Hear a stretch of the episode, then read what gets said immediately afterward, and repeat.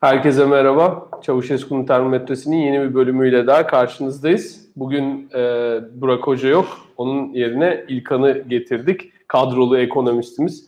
E, İlkan hoş geldin. Sen Enes'i getirdin. Şey, Enes, pardon. Enes, Enes'i getirdim. Enes hoş geldin. Yani for the record. İlkan sen de hoş geldin hocam. Hoş bulduk. Ee, bugün e, Türkiye'deki gerilimleri ve e, ekonomik durumu konuşacağız. Bugün Berat Albayrak önemli açıklamalar yaptı. E, onun üzerine konuşacağız. Onun için Enes bizim için e, bulunmaz nimet. Ayrıntılarına gireceğiz. E, bazı rakamlar dolaşıyor etrafta ama rakamlar ne kadar doğru, ölçüm biçimleri vesaire hepsini konuşacağız. E, ona bunlara girmeden önce e, programın ağır e, konularına gelmeden önce e, aslında e, daha böyle birazcık daha hafif diyeceğim ama hafif de değil bir olayla başlayalım istiyorum. E, biliyorsunuz Barış Atay'a bir saldırı oldu. E, daha önce bu meseleleri konuşurken burada söylemiştik yani bu bu iş böyle giderse e, şiddet olayları ortaya çıkacak ve bu hepimiz için, herkes için zararlı olacak diye. Özellikle İlkan bunu dile getirmişti. Sanıyoruz öyle bir noktaya geldik. E, oradan başlayalım istiyorum. İlkan senle başlayalım. E, Enes sen de e, istediğin zaman araya girebilirsin. Buradaki hepimiz aslında bir yandan e, hem moderatör hem konuk gibiyiz bu programda. Hepimizin bazı Evet. programları var, şeyleri var. Herkes ev sahibi, herkes misafir. evet. evet. E, o yüzden daha e, rahat olabiliriz. E, Herkes de Burak Hoca'nın da var. Evet. E, şeyi insanlar da tabii merak edecekler Burak Hoca nerede diye. Burak Hoca'nın bir e, meşguliyeti vardı. E, gelemedi. Yani sağlığı mağlığı yerinde öyle bir problem yok. Kimsenin e, merak etmesini istemeyiz. E, evet İlkan. Buyur abi senden başlayalım. Ee, Şimdi yayınımızı arkadaşlardan paylaşmalarını rica edelim ilk başta. Bunun arkasından konuya girersek. e, Şimdi e, Burak, Türkiye'de siyasal tartışma zemini ve atmosferi kötü noktaya, kötü noktalara doğru kayıyor. Bir defa bunu söylemek lazım. Kötü noktalara kayıyor derken e, muhalefetin meşruiyetinin sürekli sorgulanıyor olması Türkiye'deki siyaset yapılan alanı daraltıyor. Bu tarz şiddet eylemleri de bu meşruiyetin daraltılma çabasının bir devamı olarak gözüküyor. E, bu ister e, kasti ister dolaylı olarak olsun. Yani dolaylı olarak olsun derken şöyle söyleyeyim. Yani illa emir komuta zinciri altında da olmuş olması kötü. Emir komuta zinciri olmadan birilerinin durumdan vazife çıkartarak bu tarz eylemlere girişiyor olması da kötü. Yani iki, ikisi de kötü. Yani bunların ikisi de birbirinden kötü şeyler. Yani birilerinin kendi kendine inisiyatif alıp sokakta adam dövmeye kalkmaları kötü bir şeydir ne olursa olsun. Ee, devam edelim. Burada bu, bu işin ama e, bu iş tehlikeli bir iştir. E, hatırlarsınız e, generallere söylediği bir söz yüzünden Akit gazetesinin bir e, çalışanının e, kafatası falan kırılmıştı. E, daha öncesinde Milliyetçi Hareket Partisi içerisindeki çatışmalar üzerinden çok fazla e, insan e, gene bir şekilde saldırıya uğramıştı. E, bakarsak Yeni Çağ yazarlarının başına gelen e, önemli şeyler vardı. E, bu tarz eylemlerin e, daha da, yani siyasal figürlere karşı bu tarz eylemlerin içeriğinin ve e, hedeflerinin büyüdüğünü görüyorum ben. Tehlikeli bir gidiştir bu. Bu gidişin önünde durulması gerekir. Bu gidişin e, sonunun nereye gideceği belli olmaz. E, bu açıdan da AK Parti içerisindeki belli figürlerin en azından meclis başkanının vesaire tavır almasını anlamlı görüyorum. Yeterli görmüyorum ama e, bir noktada da bu tarz alınan tavırların da bir tarafında ne olursa olsun geçen yayınlarda söyledik. AK Parti içi çekişmelerin acaba rolü var mı sorusu her zaman aklımıza geliyor. Yani burada hep yani geçen yayınlarda da söylediğimiz e, dedik ki e, İçişleri Bakanı ile AK Parti e, Genel Başkanı'nın saygıdeğer damadı arasında, e, Ekonomi Maliye Bakanı arasındaki çatışmaların e, medya üzerinden ve şiddet haberlerinin artışı üzerinden de bir yansıması olacağını olduğunu öngördüğümüzü söylemiştik. E, bu tüm olan bitenler yani bu genel e, şiddet yükselişini tesadüf olarak görmüyorum ben.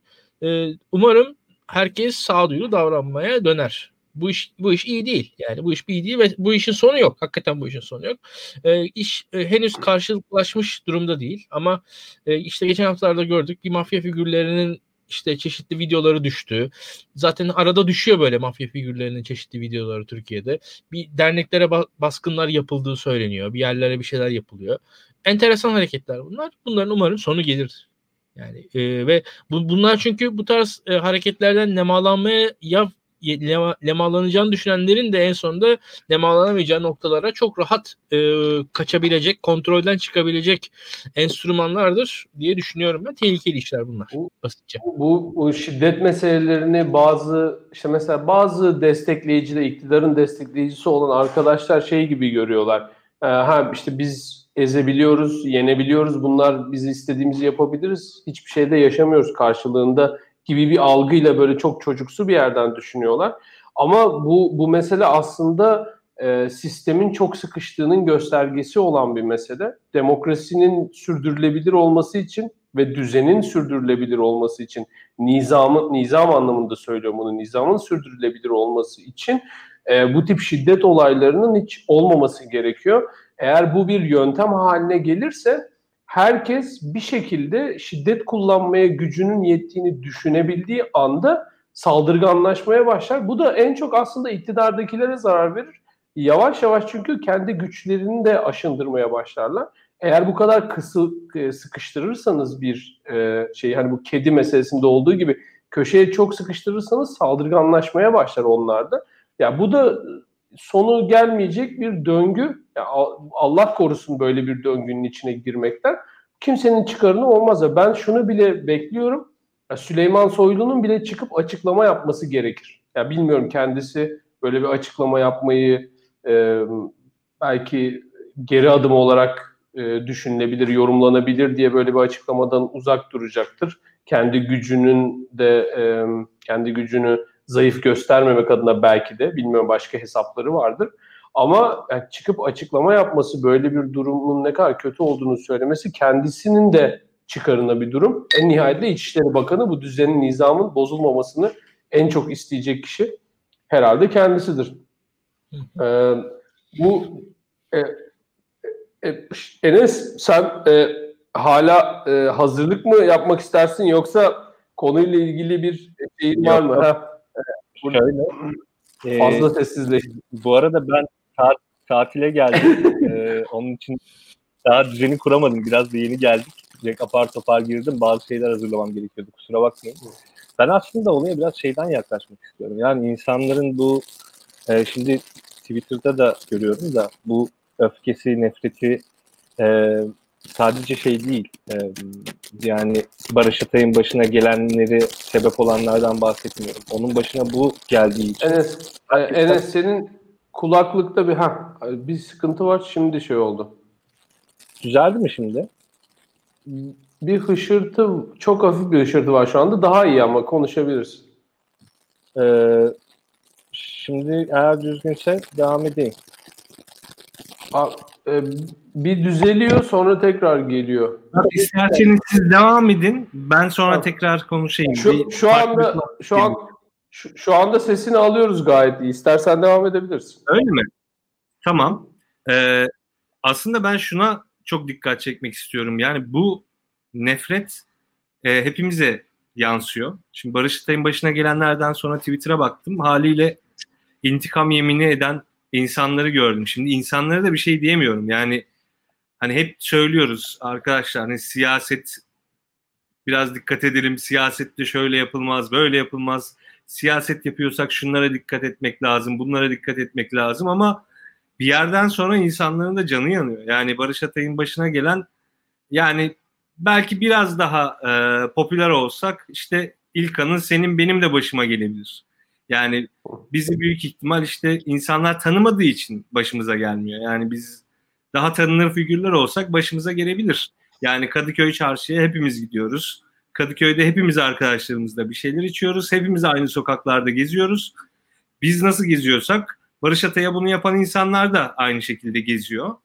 Şimdi bunu bir yani bir açıdan bu böyle ama diğer açıdan bu acaba farklı bir operasyon mu? İşte yani devletin yaptığı bir şey mi?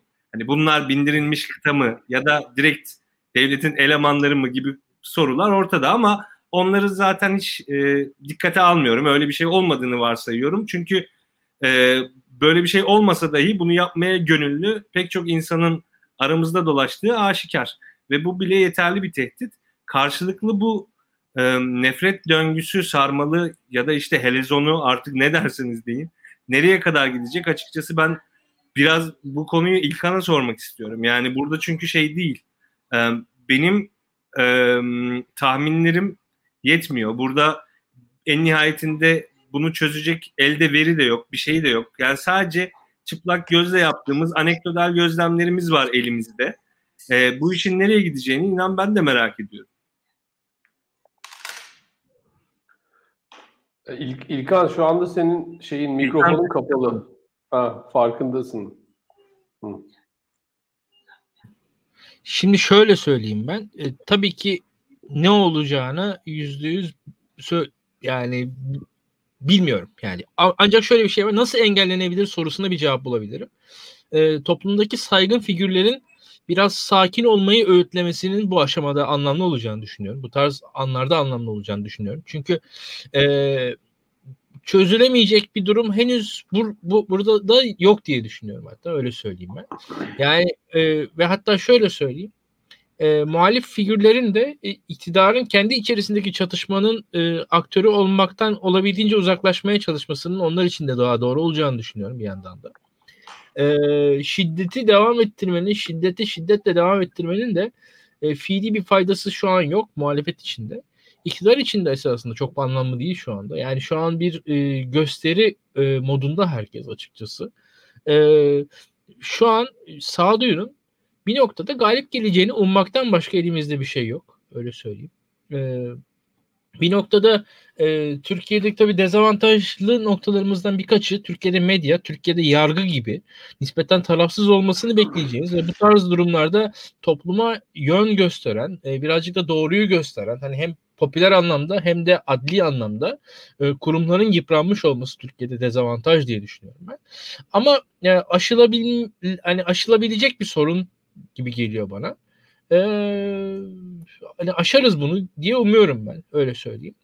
E, bu aşamada e, bakarsanız işte e, hani Batman'daki intihar olayı, bunun üzerine o e, yaşanan tartışmalar, e, Türkiye e, Türkiye bazı şeyleri e, zor konuşuyor. Türkiye bazı şeyleri zor konuşuyor ama konuşmaya başlaması en azından bu şeylerin çözümünün e, başlangıcı diye düşünüyorum. Ne olursa olsun. E, cesurca konuşması gerekiyor Türkiye'nin. E, herkesin eteğindeki taşları dökmesi gerekiyor. E, ancak bundan sonra e, bu birazcık da sert de olabilir bu tartışmalar ama bu tartışmaların olmasının e, ben ne olursa olsun daha olumlu olduğunu düşünüyorum. İnsanların için için hınçlanmasındansa açıktan tartışmasının ve kendi dertlerini ifade etmelerinin anlamlı olduğunu düşünüyorum. Burada e, bu tarz sıkıntılar yoksa büyüyecek öyle gözüküyor. E, ve burada buna benzer olaylar e, umarım devam etmez. Biz Mesela hatırlarsınız birisi- e, Ahmet Türkiye hatır, mesela biz böyle şeyler yaşadık. Yani Kılıçdaroğlu'nun başına gelenler, Ahmet Türk'ün başına gelenleri hatırlıyoruz. Yani çok hafızamızın derinliklerini zorlamamıza gerek yok. E, ben daha yaşlıyım mesela. E, o zamanki SHP milletvekili Salman Kaya'nın polisler tarafından Ankara'nın ortasında yak, yani e, ciddi şekilde dövüldüğünü bir hatırlıyorum ben mesela. Yani Türkiye'nin geçmişinde bunlar var. Türkiye'de mecliste milletvekillerinin birbirlerinin kafa taslarını falan neredeyse kırdıklarını vesaire hatır yani biliyorum daha doğrusu. O zaman o kadar hatırlamıyorum da. Ee, yani Türkiye'de bunlar var ama ne olursa olsun bir noktada buna dur da diyecek de insanlar oldu o zamanlarda öyle söyleyeyim ben. Yani öyle ya da böyle oldu. Ee, bunun önemli olduğunu düşünüyorum. Yani bu işin artık böyle bağıra çağıra bağıra çağıra e, bu işin sonu kötü olur.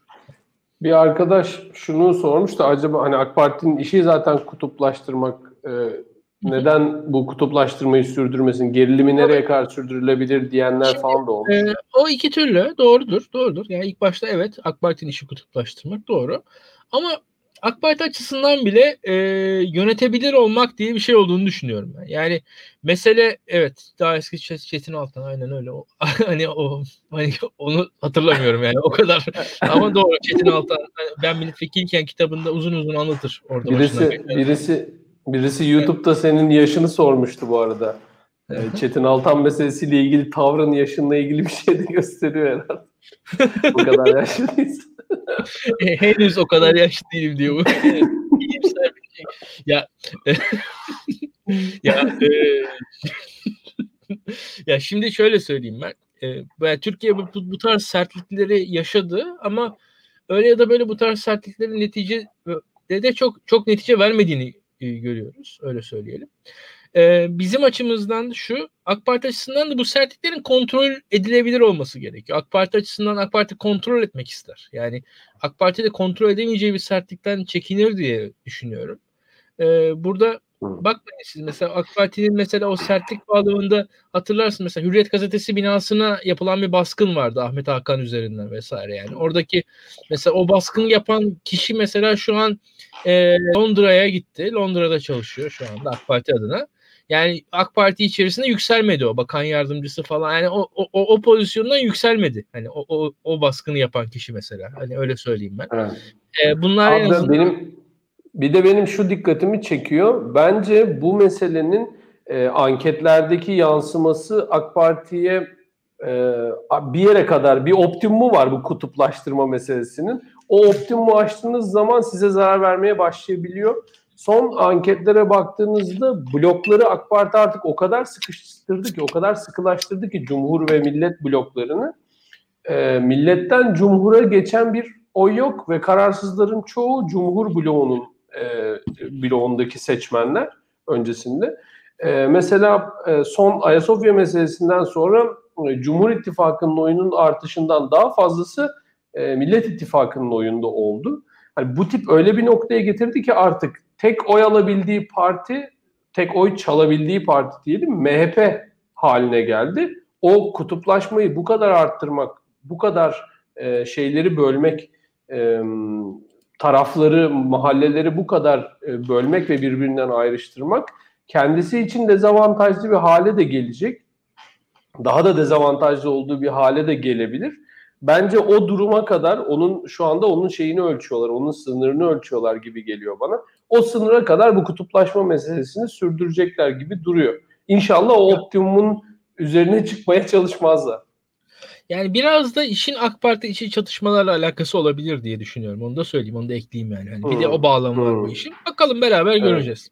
Bunu Süleyman Soylu kısmında geleceğiz gibi geliyor bana. Hı hı. Ee, ya ilerleyen şeyler e, şeyi dedin ya üst sınırı var dedin ya Burak. Evet. Birazdan şeyden de bahsederiz zaten bu araba vergisi olayından. Orada e, lafer eğrisi diye bir şey var. Yani insanlar da paylaştı görmüşsünüzdür. Evet. Yani vergi oranının da bir optimumu. Evet, optimum. Şey optimumu var aslında. Yani bizim zaten sosyal bilimlerde yapmaya çalıştığımız çoğu şey yani bir optimumu hmm. bulmakla ilgili. Yani bir evet. üst sınırlar, alt sınırlar, işte outlier'lar aradığımız şey bir neyse optimumu o. İşte Laferre'sindeki gibi yani orada bir demek ki bir nokta var ve onu aşırdıkça daha da sıkıntılı hale gidecek iş gibi. İnşallah bir an önce buluruz o noktayı da çok şey olmaz. daha yani daha beter bir hale gelmedi. Ya, ya o bakın. noktayı bulmak için aslında ekonomide de öyle ya. Bir şekilde verilerin düzgün olması lazım elindeki şeylerin gerçek olması lazım. Senin gerçeği takip ediyor ve biliyor olman lazım. Ya acaba AK Parti'nin içinde hala böyle bir hmm, ne derler böyle bir adamlar veya böyle bir fikir kaldı mı yani biz işte gerçeği takip edelim ve hani başkalarının bilmesine tamam gerek yok ama en azından biz bilelim mi ona göre pozisyon alalım diyorlar mı acaba? Ben hmm. pek zannetmiyorum açıkçası zayıfladığı görünüyor. Daha çok e, İlkan'ın söylediği gibi iç çekişmeler e, meseleyi belirler hale geldi gibi duruyor. E, bu bu kutuplaşma meselesinden şu şeye geçmek istiyorum. Ebru Timtik olayına geçmek istiyorum. Biliyorsunuz bir e, avukat e, sonradan işte tutuklu yargılan bir sürü olay oldu ve işte bugün e, şeyde okudum bir bazı böyle e, bir bilgiler edineyim meseleyle ilgili diye. Enteresan bir e, durum var. İşte ilk başta bir içeri alınıyorlar, tutuklu yargılanıyorlar, sonra bir salınıyorlar. 37. Ceza Mahkemesi onlara şey veriyor, serbest bırakıyor. Ondan sonra mahkemeye itiraz ediliyor, mahkeme heyeti değiştiriliyor. Sonra savunmaları alınmadan e, tekrar yargı verir, yer karar veriliyor haklarında ve tutuklu tutuklanıyorlar artık. Dosyaları da yargıtaya gidiyor. E, ve e, Ebru Timtik biliyorsunuz ölüm orucuna giriyor ve işte 238. gününde de hayatını kaybediyor. Bu bunun olduğu gün e, herkesin bildiği gibi bir yandaş listem var işte oraya e, oradan bakıyorum AK Parti cenahı bunu nasıl konuşuyor diye. E, müthiş bir nefret kusma vardı. İnanılmaz bir nefret kusma vardı. E, işte direkt DHKPC'li terörist olarak bahsediliyordu. E, tabii hani yargı kararı sonunda sonuçta verilmiş. Yargıtay'dan kesinleşmemiş olsa da e, böyle bir karar var. E, anlaşılan o ki. E, fakat ben ben bunların bunların hepsinden geçiyorum. Diyelim ki o kişi bir terörist de olsa e, adil yargılanma meselesiyle ilgili e, sadece nefretle bakılarak adil yargılama meselesini yorumlayamazsınız. Bir öyle bir durumda ki bu insanlar adil yargılanmadıklarını düşünüyorlar. Diyelim ki devlet adil yargılamış olsa bile öyle düşünüyorlar. Bir sonuca ulaşamamışlar ve seslerini de duyuramadıklarını düşünüyorlar, söylediklerinin duyulmadığını düşünüyorlar ve kendilerini imha etmeye çalışıyorlar. Hapiste de yapılabilecek tek imha yöntemi bu olduğu için ben bu e, ölüm orucuna yani, tamamen karşıyım. Ne olursa olsun bunun yapılmaması gerektiğini düşünüyorum. E, hatta birazcık da yani saygısızlık olsun istemem ama absürt buluyorum. İnsanların fikirleri ne olursa olsun. Absürt buluyorum kendini yok etmeyi fakat e, o, o çaresizlik içinde de Allah kimseyi bırakmasın diyor. Öyle bir durumla karşılaşmak e, gerçekten çok kötü olsa gerek. Kendini infilak edecek kadar kötü bir durum belli ki. Fakat bunu bir nefret e, objesi haline çevirdiler ve bu meseleyi konuşamaz hale geldik. E, ve sağ yani işte AK Parti'nin cenahı bu nefreti körükledi. Diğer mahallede e, Ebru Timtik'i işte bir şehit olarak gösterdi ve yine her zamanki gibi bu konuyla ilgili de bir e, aklı başında bir tartışma yürütemedik. E, İlkan, senin bu meseleyle ilgili görüşlerin nelerdir? Bu, bu iş niye buraya geliyor? Bu memlekette bu niye oluyor? Biz neden böyle basit şeyler üzerinde bile anlaşamıyoruz? E, senden dinleyelim. Ee, şöyle söyleyeyim bir defa yani ben de hani ölüm orucu, açlık grevi gibi e, eylemlerin en azından insanın kendi vücut bütünlüğüne zarar ver, verdiği eylemlerin e, zihnen e, ve hani kavram olarak karşısındayım. Ancak e, bu karşısında olmam bir yandan da şunu e, söylememem anlamına gelmiyor. Yani bu insanları e, yani toplumundaki marjinal insanları diyelim fikren e, toplumun bu derece e, köşeye kenara atmış olmasından rahatsızım. Onu da söyleyeyim. Yani şöyle söyleyeyim. Ben o gün e, bu Twitter'da mesela e, işte gebermiş e, hashtag'in yani gebermiş trending topikte ol, olmuştu öyle geberdi evet. falan diye. E, rahatsız oldum açıkçası. Yani insani olarak yani ölen insanın arkasından bu böyle konuşuluyor olması beni üzüyor. Öyle söyleyeyim. E, ve üzmeye devam edecek. E, bundan sonra ben Türkiye'de e, işte bu Ebru Hanım'ın e, fikri görüşü çok yaygınlaşmayacak bir görüş. Çok fazla eleştirilebilecek bir görüş. Ancak e, dün şöyle bir şey yaşanmıştı. Ben e, 1990'ların sonunda e, 2000'lerin başındaki süreçte e, hayata dönüş operasyonu denen rezaletleri yaşayarak e, büyümüş bir insanım. Yani o zamanki medya baskısını hatırlıyorum. Ve o zamanki medya baskısında hani o zaman da muhatap olan örgüt he, aynı örgüttü. Ee, yani yaşanan şeylerin birincisi hani o, o örgütü eğer amaç yok etmekse ya şu olan bitenlerin peki o örgütü yok etmeye faydası olduğunu düşünmüyorum. Eğer devletin niyeti oysa. Birincisi o. Yani şu andaki e, o feda kültünü en çok şu anda devlet besliyor. Hatta evet. o e, ettikleri küfürlerle, e, tavırlarıyla yani bir şekilde e, çok daha açıkçası insanları biliyorlar. Öyle söyleyeyim. Bilebiliyorlar. E, çözmekse mesele eğer yani hakikaten çözmekse bu, bu böyle çözülmeyecek o da belli. E, bunu çözmek isteyen çözer mi? Evet çözer. Açık konuşayım. Türkiye'de daha öncesinde e, hatta yani şöyle söyleyeyim Türkiye bir ölüm orucu e, meselesini cezaevlerindeki ölüm orucu meselesini Şevket Kazan'ın hani AK Parti öncesindeki Refah Partisi'nin Adalet Bakanlığı döneminde Şevket Kazan'ın e, o zamanki Mukadder Başeymez'in Refah Partisi milletvekili o aracı olduğu bir dönemde aşabilmişti. Yani orada bir hani aracılar bulunmuştu. Bu insanlara konuşacak insanlar bulunmuştu. Hatta yani bakarsanız e, Refah Partisi'nin MAM milletvekili Fethullah Erbaş'ın e, PKK'lıların elinden birilerini aldığı hani bir şekilde bir temas yolları bulunur. Bir şekilde bir hani derdin nedir denir. Bir ara yol bulunur. Bu, bu işi çözmek isteyen devlet elindeki bunca güçle çözerdi diye düşünüyorum ben. Bu o kadar imkansız bir şey değil. Yani bak bakmayın yani karşı tarafta sonuçta bunlar tek tek insanlar. Ee, bu, bu, bu tercih edilmedi. Ben devlet olsaydım bunu tercih ederdim öyle söyleyeyim. Yani bir şekilde bu bu sempati falan anlamına gelmiyor. Aksine gayet de aslında devlet olmanın vasfı anlamına geliyor bu. Yani dün e, ölüm orucu eylemindeki e, bu örgüt üyeleriyle e, bir şekilde iletişim kurup o olayı çözen Şevket Kazan bir sempati duymuyordu diye düşünüyorum. Bu bir tercih meselesidir. Devlet yönetme meselesidir.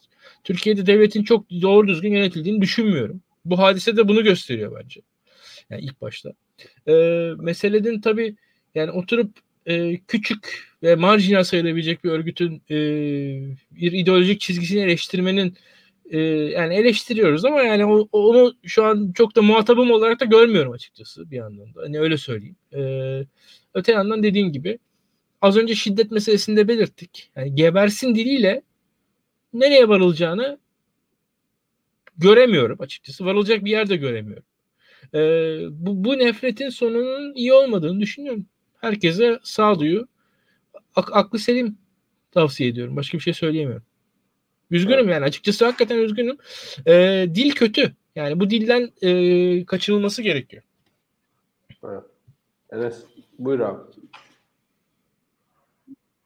Abi bu e, cephecilerin e, şehitlik edebiyatı üzerine aslında biraz kafa yormak lazım. Hakikaten orada da çok böyle muhafazakar bir örgüt yapısı ve aslında uzun yıllardır bir şekilde kendi varlığını sürdüren bir yapı var.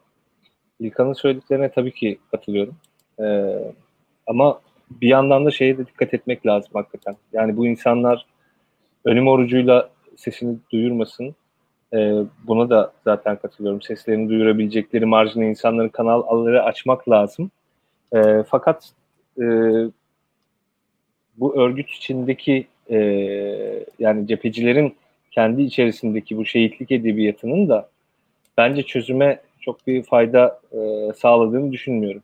Tabii bizim konumuz değil bu bir açıdan da. Çünkü ben işte cepheci değilim, bir şey değilim. E, en nihayetinde e, o eylemleri yapmalarını kınarım. Eylemleri yap, eylemlerini yapmalarını istemem ve geçerim. Asıl burada sorumluluk sahibi olan devlet. Çünkü ben vergimi devlete veriyorum. Diyorum ki ben sana vergi veriyorum. Karşılığında zaten beni bu tarz örgütlerden vesaire koru. Ee, bu örgütün herhangi bir, bir ihtiyacı binaen çıkıp, çıkmış e, olup olmaması da benim için önemli değil. Ben sadece eylemlerinin sonuçlarına bakarım bir vatandaş olarak. Ve o sonuçlara baktığımda o sonuçları yeniden üretecek şeylerin de e, ya örgüt içinde fazlasıyla olduğunu görüyoruz. En azından e, cephecilerin e, söylemlerine baktığımızda. Ebru Timti'ye tabii herkes üzülür. Sonuçta bir insan vefat etmiş e, ve yani şunu da hakikaten anlamak lazım. E, bir örgüte bu insanların e, dahil olup olmadığının devlet tarafından artık net bir şekilde yani bu terörle mücadele kanununun asıl mesele zaten orada başlıyor. Net bir şekilde kim teröristtir, kim değildir artık e, belli olması ve bunun bir AB standartlarında zaten bizim e, Avrupa Birliği yolunda önümüzü kapatan en önemli kanunlardan biriydi o terörle mücadele kanunu değiştirilmesi. Bunun artık belli olması gerekiyor. Yani biz şunu anlayamıyoruz. Yani ben çok düz sığ bir açıdan baktığımda Ebru Kim, Timti'yi kim savunuyor? Cepheciler savunuyor. Ha demek ki bu kadın DHKPC'li olabilir. Yani bu düz vatandaş bakış açısı. Tamam mı? Ama devlet bu açıdan bakmamalı, bakamaz. Yani bu insanların eğer bir terör örgütüne mensubiyeti varsa bunun somut kriterlerini ortaya koyar ve bunun üzerinden gider. Ondan sonra konuşuruz Ebru Timtik neden ölüm orucu yaptı, neden bir şey yaptı. İşin bir başka yönü de yani şunları görüyorum çok üzülüyorum. Yani e, geberdi lafı var bir de üstüne aa gerçekten birileri hakikaten ölüm orucu tutuyormuş. Ya insan en azından bir düşünür yani ölüm orucu ne demek yani ölüm orucu nasıl tutulur? Şimdi bu yıllardır e, yapılan bir eylem biçimi. Yani insan bir merak eder bakar yani 238 gün bir insan gerçekten oruç tutarak yani sizin anladığınız anlamda oruç tutarak hayatta kalabilir mi zaten? Yani tamamen yani açlıkla. Yani Hı hı hı. bu o kadar gıcık bir durum var ki ortada. Yani şeye çok üzülüyorum. Ya bu insanların bir mensubiyeti, aidiyeti var mı? Devlet tarafından hiçbir zaman bu netleştirilmiyor. Sadece sürüncemede bırakılıyor. Yıllarca sürüyor bu davalar. Özellikle bu tarz avukat ve benzeri e, işte e, meslek grubundaki insanların. Üstüne bir de insanların bu m, empati yoksunluğu beni gerçekten kahrediyor. Yani oradaki ölen kişinin bir insan olması hasebiyle en azından bir e, sağduyu geliştirebiliriz diye düşünüyorum. Ama tabii bir yandan da bu çabanın da gereksiz olduğunu farkındayım. Yani çok naif belki de Haklı. düşünüyor olabiliriz. Evet. Artık o noktayı geçtik galiba. Öyle görünüyor maalesef. Maalesef. Ee, Enes aslında ilk yarım saatimizi bu siyasi meseleleri konuşarak geçirip asıl meselemiz olan ekonomiye gelelim artık. Ee, burada İlkan'la ben seni soru yağmuruna tutalım. Sen bize e, cevap ver. Tabii ki. Ee, şimdi öncelikle. Türkiye'nin gerilimlerin gerilimlerin gibi hem sonucu olan bir şey. Evet. Ee, şimdi bugün Berat Albayrak rakamlar açıkladı ve Türkiye'nin %9.9 küçüldüğünü söyledi. Ee, tabii korona dolayısıyla hepimiz bir ekonomik etkisinin olacağını bekliyorduk zaten. Ee, istersen o rakamlardan başlayalım. Senin böyle çok dikkatini çeken bir rakam var mı e, baktığın şeyler arasından? Yoksa ee, şey e, yoksa bir şeyi açıklamanı istiyorum. Bu Berat Albayrak'ın paylaştığı rakamlarda Türkiye'nin %9.9 küçülüp Amerika'nın %38 küçülmesi meselesinin bir hesaplama farklılığı sebebiyle olduğunu seyircilerimize açıklamanı rica edeceğim. Buyur abi. Ee, şimdi share screen yapmaya çalışıyorum bakanın açıklamasını da bir türlü yapamadım. Ben sana birkaç tane JPEG Ha. göndereyim bu arada. Onları Tamam, belki sen tamam yolla. Ben Tamam yolla abi bana ben ben yansıtırım. Önce Berat Albayrak'ın açıklamaları, daha doğrusu e, Berat Albayrak'ın Twitter'dan attığı bir mesaj. Şimdi buna ne kadar açıklama diyebiliriz bilmiyorum ama Türkiye'nin dok- yani bir önceki yılın aynı çeyreğine göre hazırlanmıştır notuyla Türkiye'nin 9.9 küçüldüğü, ABD'nin ise %31.7 küçüldüğüne ilişkin bir görsel e, yayınladı e, Berat Albayrak. Şimdi ben öncelikle yani bu verilerden bahsetmeden önce şundan biraz bahsetmek istiyorum. Yani yıllardır Türkiye ekonomisiyle ilgili sunumlar vesaire de yaparım.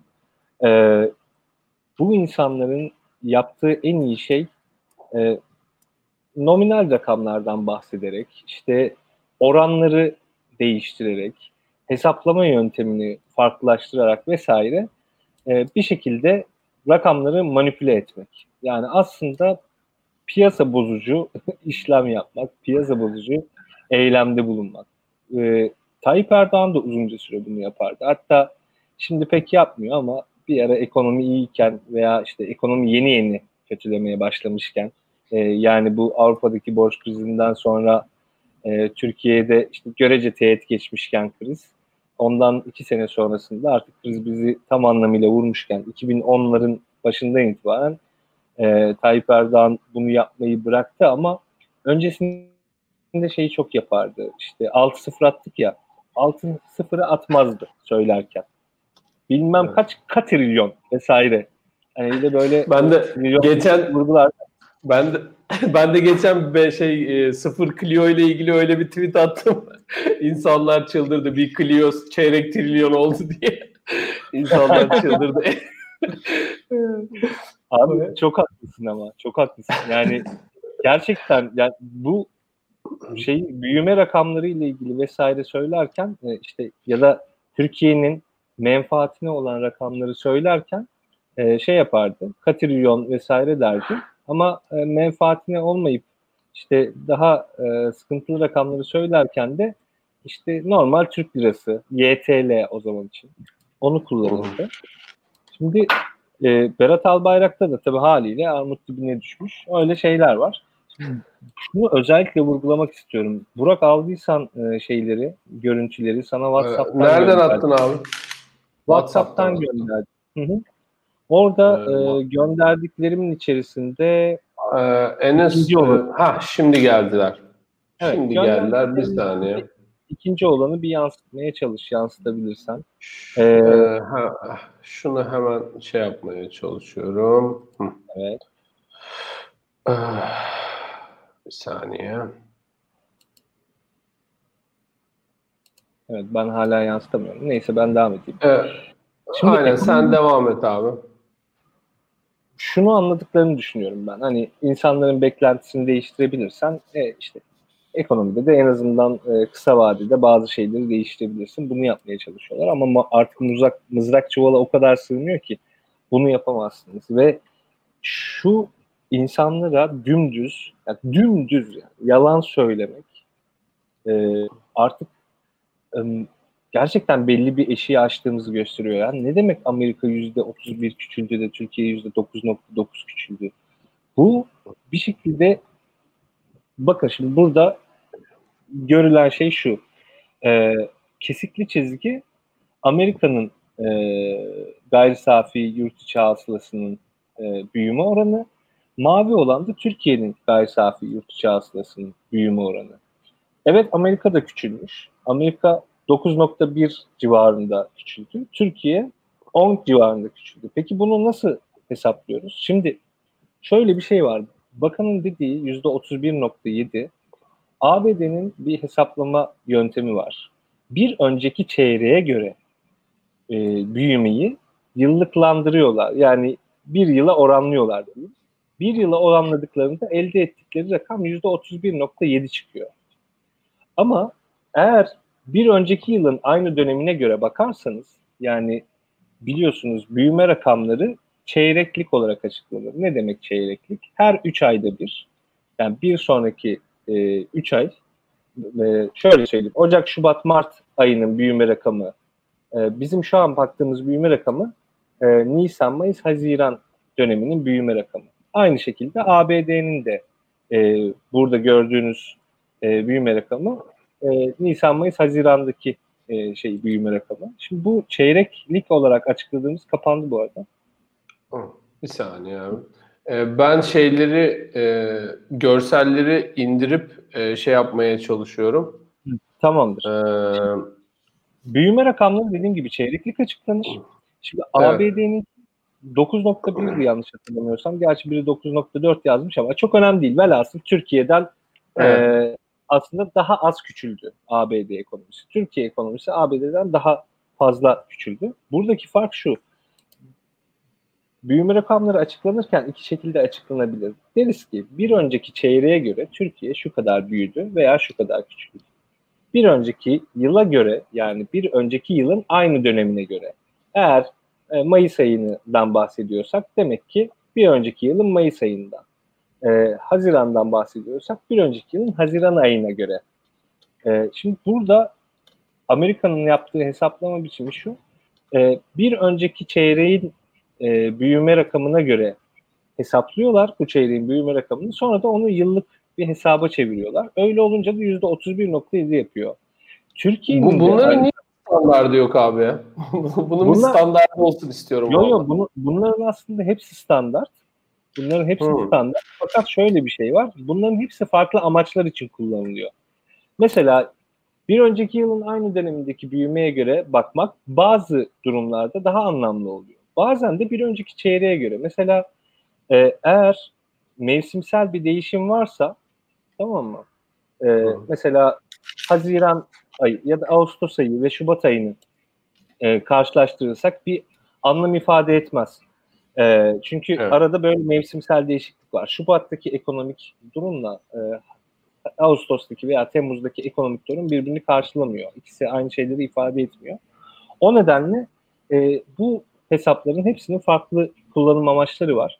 Mesela Türkiye'nin şeyine baktığımız zaman ABD'nin hesapladığı yöntemle hesaplarsak onun da grafiği vardı sanırım Burak belki Ee, orada. evet. Hangi yolladın? Ben şimdi bunların hepsini açıyorum şeye sana e, share screen yaptığım zaman e, oradan istediğini seçersin. Tamamdır. Okey. Hepsini açtım. Türkiye Amerika'nın e, yaptığı hesaplamayla Türkiye'nin yıllıklandırılmış GDP'sini daha e, gayri safi yurt hasılasını hesapladığımızda Türkiye yüzde 40'a yakın küçülmüş oluyor. E, bu o kadar sıkıntılı bir şey ki yani biz göz göre göre halkımıza yalan söylüyoruz. Bu yalan Evet. söylemek eğer şu olsaydı e, tamam abi bu kalsın. Bu Bu mu? Ha. önce bir, bir sonrakine gelebilirsin bir. Geldim. Bu Berat Bu Albayrak şeyin Evet. açıklaması. En aşağıda gördüğünüz gibi Türkiye var 9.9, en üstte de ABD var %31.7. Ya burada çok sert şeyler söylemek istemiyorum ama ya bu yalan. Yani Evet. bir bakan halkına yalan söylememeli. Yani siyaset e, yapma biçimi olamaz bu artık. Ya da bu popülizm değil. Ya da bu otokrasi değil. Şu değil bu değil. Yani bunu siyaset herhangi bir şeyle anlatmamıza gerek yok. Bir bakan kimin yani seçilmiş veya atanmış fark etmez. En nihayetinde bir koltukta oturuyor ve altında da e, çok saygın ekonomistler, maliyeciler vesaire çalışıyor. Hem onların hakkı için hem de vatandaşların hakkı için onlara yalan söylememeli. Şimdi bu sadece bir propaganda görseli bu. Ee, belki Fahrettin Altun görseli çok beğendi. Bilmiyorum. Yani Berat Albayrak'ın yaptığı işlerde Fahrettin Altun'a danışmak gibi bir huy olduğunu sanmıyorum ama belki Fahrettin Altun beğeniyor olabilir. Ama bunun bizim için hiçbir anlamı yok. Dediğim gibi bu elma ile armutu karşılaştırmaktır. Türkiye %9.9 küçülmüş. Peki Türkiye neye göre %9.9 küçülmüş? Bir önceki Evet. grafiği açtığında göreceksin. Aslında yıllık büyüme oranına göre. Yani bir önceki yılın aynı dönemine göre Türkiye %9.9 küçülmüş. Bir önceki yılın aynı dönemine göre Amerika %9.1 küçülmüş. Yani Amerika Türkiye'den daha az küçülmüş. Bu konuda bir bakan neden halkına yalan söyler? Yani bunun işte cevabını az çok hepimiz tahmin ediyoruz neden yalan söylediğini.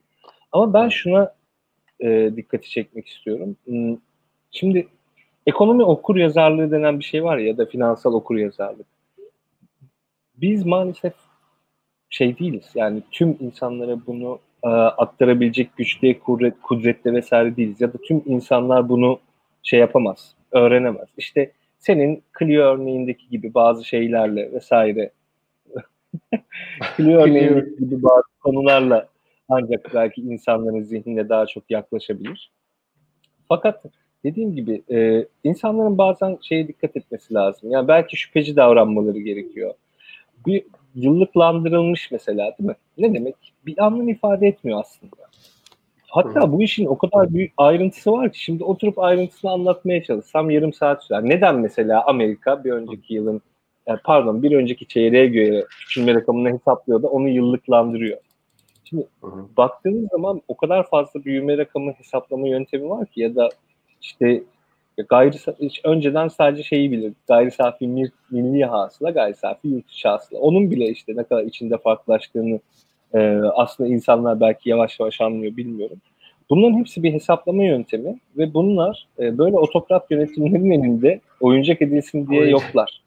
Yani bunlar işte kimi işsizlik rakamlarını daha iyi açıkladığı için var. Kimi e, gelecek dönem projeksiyonunu daha iyi yapmak için var. Kimi mevsimsel etkiyi daha iyi arındırabilmek için var. Bunların hepsi e, bilim adamlarınca denenmiş, uygulanmış metotlar ve hepsi başka bir şeyi açıklıyor. Berat Albayrak'ın elinde oyuncak olsun diye yapılmadı e, rakamlar. Önce onu söyleyeyim ve şuna Evet. kesinlikle e, inanmayalım. Yani kesinlikle Amerika Türkiye'den daha az küçülmedi. Şey pardon daha fazla küçülmedi. Amerika Türkiye'den daha az küçüldü ve bu ne? Yani bu tartışmaya kapalı. Ee, değil Berat Albayrak tweet atsa, Berat Albayrak gelip kulağınıza da fısıldasa inanmayın. Yani böyle bir şey yok. Bu net. Öte yandan biz şunu söyleyelim. Yani Amerika Türkiye'den daha fazla küçülse ne olur? Bu ne ifade eder? Ya da Evet. bakın orada Berat Albayrak'ın şeyinde bir, bir daha verebilirsen ekrana belki. Veriyorum. Berat Ee, Albayrak hangisi? o Berat Albayrak'ın tweetindeki şeyi abi. Ee, o Tamamdır. görüntüyü Türkiye'nin lider Albayrak- olduğu hani. evet Türkiye'nin evet lider oldu. Bu. Berat Evet. Bakalım kimler var? Birleşik Krallık, İspanya, Fransa, İtalya, Portekiz, Belçika yani AB. AB %14.1 küçülmüş. Berat Albayrak da bunu müjde olarak insanları duyuruyor. İnsan da biraz akıl mantık olur. Yani bizim en büyük pazarımız Avrupa Birliği. Biz en çok malı Avrupa Birliği'ne satıyoruz. Avrupa Birliği'nin bu denli küçülmesi bizim nasıl avantajımız olabilir ya? Yani Evet. İnanamıyorum yani bunu bu şekilde duyurmak, OECD ülkelerinden daha az küçüldüğümüzü bir şekilde söylemek. Yani inşallah şöyle diyorum yani bakın bu çok kötü bir şey. İnşallah oradaki densizin biri bu yanlış hesaplamayı yapmıştır da bir şekilde bakanın da kafası karışıktır ve bunun üzerine atlamıştır. Aa bunu duyuralım bu çok iyi bir şey bizim için falan demiştir. İnşallah arkasında ya Berat Albayrak'ın kendisi yoktur yani şu tweet. Ya o kadar Hı hı. kötü bir şey ki bu yani. Berat Albayrak en nihayetinde benim vatandaş olduğum ülkenin ekonomi ve maliye bakanı. Yani birisi bu Evet. ülkeye yatırım yapacaksa Berat Albayrak'ın ağzından çıkacak şeylere göre yatırım yapıyor. Umarım bu hesaplama için, bu tweet için özür diler de eee, yani vatandaşı olduğum ülke adına artık utanmaktan vazgeçebilirim. Bakın yakın zamanda eee yani tabii haliyle farklı insanlarla, dış misyon temsilcileriyle, işte yurt dışında çalışan arkadaşlarımızla vesaire sürekli görüşüyoruz. Yakın zamanda yine bir yurt dışından bir ekonomist arkadaşımla konuştum. Ya adam kafasını duvarlara vuracak neredeyse tamam mı? Türkiye ekonomisi için. Türkiye'de nüfus var, bilgi birikimi var, e, girişimcilik var, know-how transfer etme kapasitesi var, pazara yakınlık vesaire her şey gerçekten e, yani mükemmel seviyede olmasa da var. Bu halde olmayabilir. Evet. İnsanlar bizim için üzülüyor artık yani. Farklı ülkelerdeki insanlar elini kafasının arasına alıp düşünüyor. Biz de o haldeyiz. Bir Evet. düşünün yani. Bizim halimizi düşünün. Biraz bu işten anlayan insanlar kafayı duvarlara vurmak üzere. Yani siz bu tweetleri gördüğünüzde Bugün-? Bugün bir tane şey var Deniz sen onu gördün mü? Nezi paylaştı sanırım. Ee, dünya ortalamasıyla Türkiye'nin ayrışması e, şeyini, istatistiğini. Ee, 2017 senesinde daha dünya ortalamasında kişi başına düşen gayri safi milli hasıla bakımından 2300 dolar yukarıdayız. Bugün geldiğimiz noktada 3000 dolar gerisine düşmüşüz. Dünya ortalaması diyor. Ya bunun içinde Kesinlikle. çok fakir Afrika ülkeleri bilmem neler var. Yani bu bir rezalet yani gerçekten olacak gibi. Burada en önemli konu e, doların e, şey olması. Doların Türkiye'de haddinden fazla artmış olması. Şimdi o kadar kötü bir e, kur politikası uyguladılar ki maalesef. Dolar çok Türkiye'de yani haddinden fazla olması gerekenden daha fazla yükseldi. E, bizim de tabii bu e, kişi başına düşen milli gelir e, hesaplamamıza yansıdı. En nihayetinde bunlar dolarla biliyorsunuz hesaplanıyor. Fakat bir başka e, milli gelir hesaplaması da var. Yani harcama yöntemiyle hesaplama. Yani GDP per e, purchasing power e, paritesi Satın alma gücü. satın alma gücü paritesine göre e, gayri safi yurt içi hasıla var. Ona göre mesela Türkiye aşırı kötüye gitmiyor bir şekilde. Ama e, bu dolar bazında işte yapılan hesaplamaya göre Türkiye gerçekten çok kötü durumda. Şimdi bu ikisini birbirinden ayırıp şunu söylemek lazım. Yani Türkiye'de satın alma gücü tabii ki düşüyor ama e, o e, dolar hesabıyla yapılan yani sabit fiyatlarla özellikle yapılan e, GDP hesaplamasında, gayri safi yurt içi daha kötü geriye gidiyor. Bu e, dediğim gibi o sabit fiyatlarla yapılan hesaplama harcama yöntemiyle yapılan hesaplamanın da kötüye gideceğinin bir habercisi. Yani bizim aslında tamam şu an için harcama yöntemiyle baktığımızda milli gelirimiz çok kötü durumda değil. Tabii kötü durumda ama çok çok kötü durumda değil. Fakat bunun daha da kötüye gideceğinin habercisi. İşte biraz önce sen sordun ya ya bunun bir standardı yok? Niye farklı bu kadar hesaplama var? Bak mesela gayri safi yurt içi hasılada da böyle farklı hesaplamalar var. Kişi başına düşen gelirde de böyle farklı hesaplamalar var. Biri birinin sonucu veya biri birinin habercisi olabiliyor. Bunları anlamak için farklı yöntemlerle hesaplıyoruz. Bu çok kötü bir şey. Şimdi Türkiye'ye hakikaten baktığımızda ciddi anlamda negatif ayrıştı. Burada e, kur politikasının çok tabii etkisi var. Merkez Bankası'nın bağımsız olmamasının ciddi etkisi var. Bizim faiz politikamızın ciddi etkisi var. Şuna bakıyoruz mesela. E, hazine kamu bankaları aracılığıyla doları 6.85'te tutabilmek için yani Merkez Bankası'nın tüm rezervini yemiş. Yani Evet. harp olur, darp olur diye bir şey var ya, laf var ya bizde. Ya en azından yarın bir gün yani önemli birisi bir gaf yapabilir. Ne bileyim önemli bir e, durum meydana gelebilir Türkiye'de. Bakın turizm sezonu açıldı. Başımıza daha önce gelmeyen şeyler değil bunlar Allah esirgesin. Yani terörist saldırılar oluyor, şunlar oluyor, bunlar oluyor. Böyle bir şey yaşansa Türkiye en ufak bir şoka dayanamayacak halde şu an. Türkiye'de riskli bir coğrafyada biliyorsunuz yani. Herkes farkında ne kadar riskli bir coğrafyada olduğumuzu. Türkiye'nin en büyük havalimanını patlattılar bilmem kaç sene önce. Yani ka- kaç yılındaydı Atatürk Havalimanı patlaması İlkan? Sen bilirsin. 2016 mıydı? 2016, 2016. Son patlama 2017 e, yılının başında olmuştu. Reyna patlaması. Son iki yıldır falan Evet, pek öyle bir abi. Abi Şurası bakın ya. bunların hepsi yani bunlar tabii şey hani bunlar e, ekonomiyi konuşurken bunlardan bahsetmek kimine abes gibi geliyor olabilir. Ama Türkiye gibi kırılgan ülkelerde e, bu tarz görece yani 80 milyonluk bir ülkenin ne kadarını etkileyebilir? Hani bir Reyna saldırısı hani fiziki olarak düşündüğünüzde tabii ki sayılır ama bizimki gibi kırılgan ülkelerde bunlar o kadar sıkıntılı ki yani o kadar çok şey etkiliyor ki. Şu an Merkez Bankası'nın elinde hiçbir şey yok atacak kurşun yok. Ve en son Uğur, Uğur Gürses yazdı. Ee, bu hani hep arka kapı mekanizması derler ya arka kapı mekanizması nasıl işliyor? Şimdi mesela onun bir kısmını Uğur Gürses anlattı. Ben size bir özet geçeyim. İşte Mer hazine mesela nasıl fonluyor değil mi? Türkiye'de bu kadar dolar yokken e, nasıl Evet. bu dolarla piyasada dolaşabiliyor vesaire. E, hazine kendisi dolarla ilgili bir bono çıkartıp bunu kamu bankalarına satın aldırıyor. Tamam mı?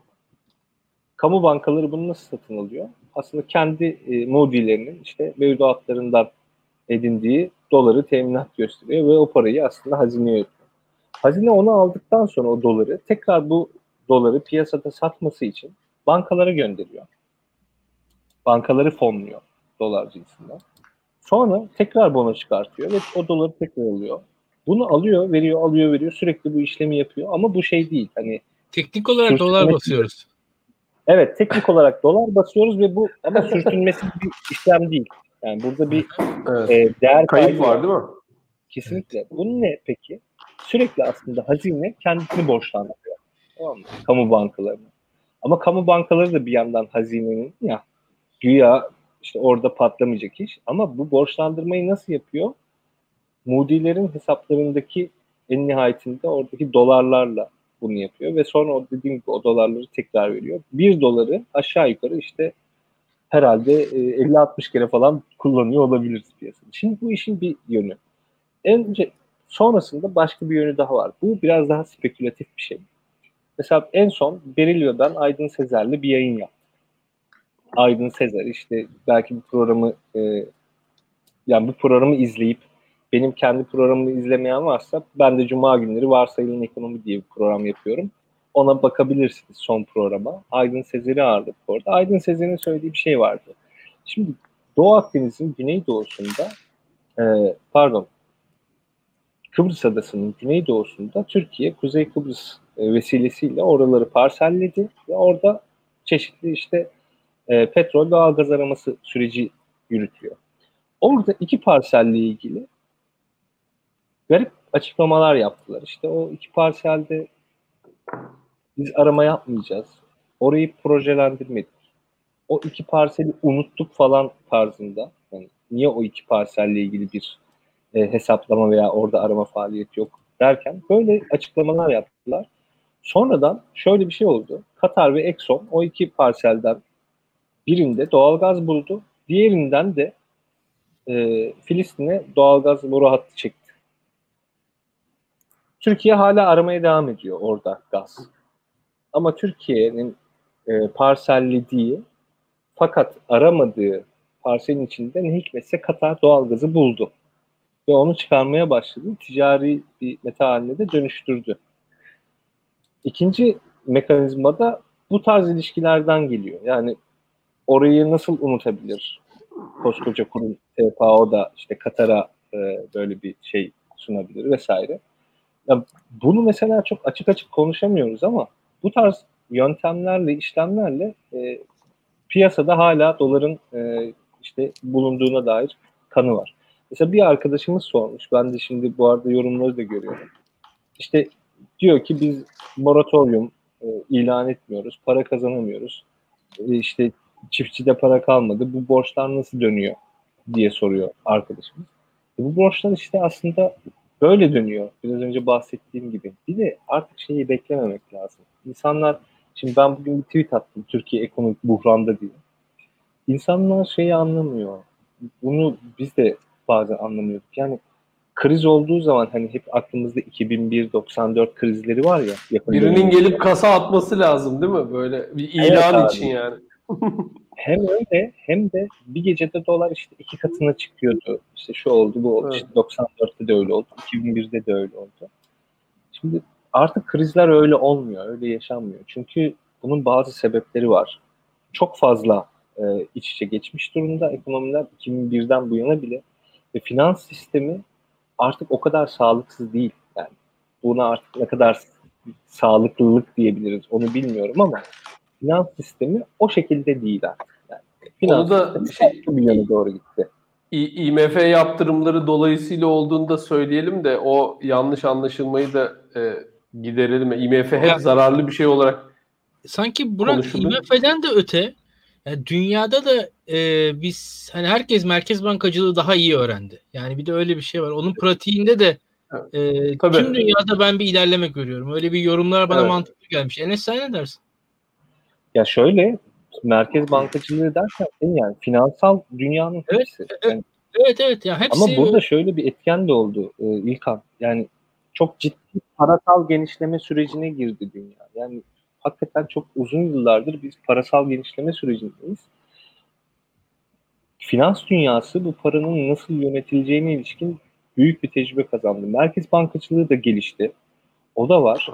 Ve artık şey olmuyor. Yani e, siz işte mesela yarın bir gün işte ekonomiyi düzeltmek için atıyorum ihracat artsın, ithalat azalsın diye deseler ki doları biz iki katına çıkardık. Yani olur ya. Biz sabit kur rejimine geçtik ve dolar artık Türkiye'de 16 lira. İşte iki katı 10, 14 lira mı oluyor? Şu an dolar kaç onu da pek bilmiyorum da. 16 Öyle 17 bir şeyler. işte. evet. Öyle bir şey yaptık deseler hiçbir faydası olmayacak. Hiçbir faydası olmayacak. Çünkü biraz önce konuştuğumuz şey gibi bu işin bir optimumu var. Yani piyasanın bir optimumu var. Şimdi ne kadar siz e, doları tutmaya da çalışsanız işte bu bahset yani Uğur Gürses'in özellikle yazdığı arka kapı mekanizmalarını falan işletmeye de çalışsanız bir yerde piyasa kendi yolunu buluyor. En azından şunu görebilir herkes.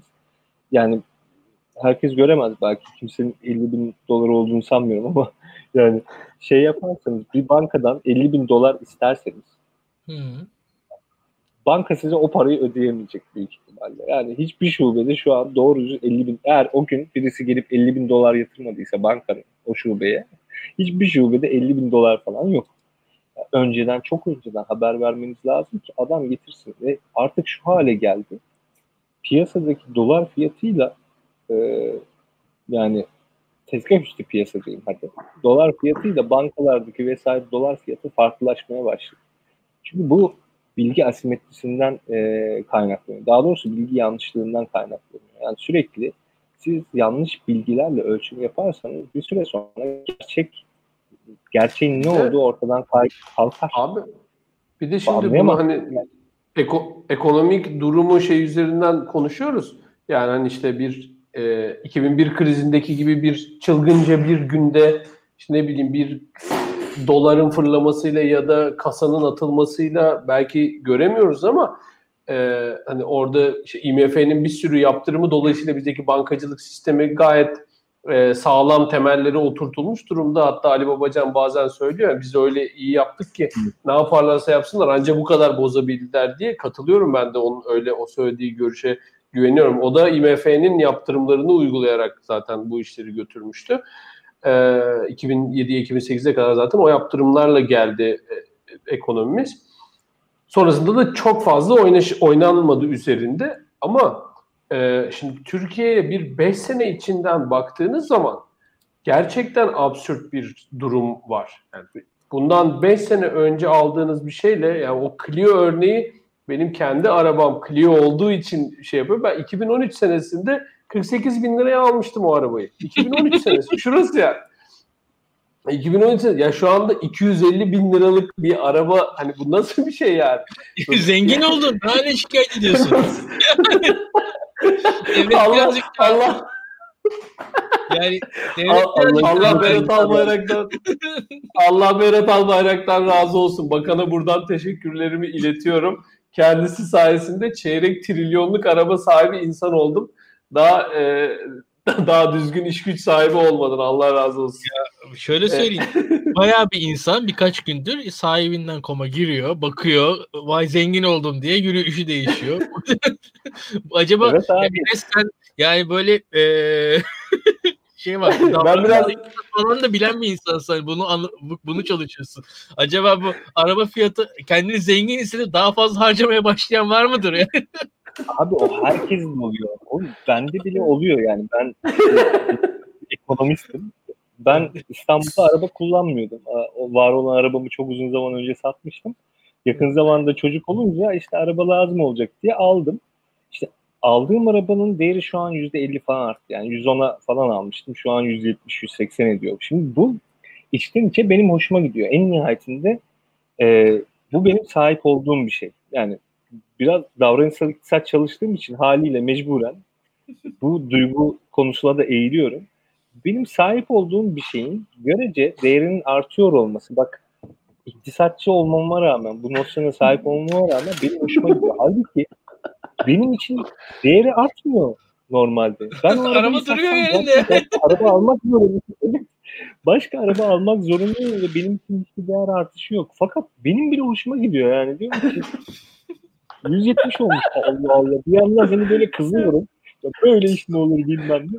Bir yandan da zaten arabam var ya hani tuzum kuruyor. Böyle seviniyorum. Öyledir zaten tamam mı? İnsanı işte insanın ama bu bir gerçeklik bir yandan da. Bir duygu ve bir gerçekliğe te- tekabül ediyor. Gerçekten benim bir arabam var. Gerçekten TL bazında da değerlendi. Ama bir yandan da şöyle bir şeye de tekabül ediyor. E tamam da sen bu arabayı satsan zaten yeni araba almak zorundasın ve aslında Alamıyorum. bu değerin artmış olmasının hiçbir anlamı yok. Abi senin ben sıfır araba alamam ya. Önümüzdeki 10 yıl sıfır araba alamam eğer böyle giderse Enes ya. Bir de şimdi öyle bir şey ki bak ben ben doktora yapıyorum tamam mı? Bir ya bu ülkede girdiğim dilim şey olarak bakarsan dilim olarak bakarsan bilmem kaç binde birlik bir dilimin içindeyim. Ya zengin olmak zaten hani öyle bir beklentim öyle bir şeyim yok da benim en azından e, 30'lu yaşlarımın ortalarında kendi kazandığım parayla araba alabilecek kadar bir şey kazanıyor olabilmem lazım. Ya bu işin dünyanın her yerinde e, doktora yapan insanlar böyle bir beklenti içine girebilirler. Bunu abartılı bir şey istemiyorum ya. 35'li yaşlarımda araba alabilmek. Ya böyle bir hayal kurmam imkansız. Araba dediğim de öyle hani BMW falan değil. Hani Clio diyorum ya 250 bin lira. Ya bu bu nor bu olağanüstü anormal bir şey. Öyle böyle değil yani. Bu bir de bunun psikolojik bir şeyi var abi. Ağırlığı var. Sadece ekonomi değil yani oradaki mesele.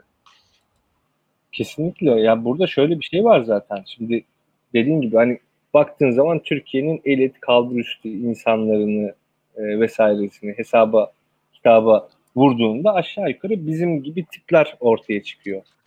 Şimdi bu insanların en azından bu yaşlarda yani iyi kötü e, bir gelirinin olduğu zaman ya bir geliri, geliri olduğu zaman e, yapacağı şey bir ev bir araba alıp hani bunları aşağı yukarı evinde 30 yıl arabasında da en azından 10 yıl oturup E, bu süreler boyunca da bunların amortismanı oranınca para biriktirebiliyor olması ve bu süreler bitince de bunları yenileyebiliyor olması gerekir.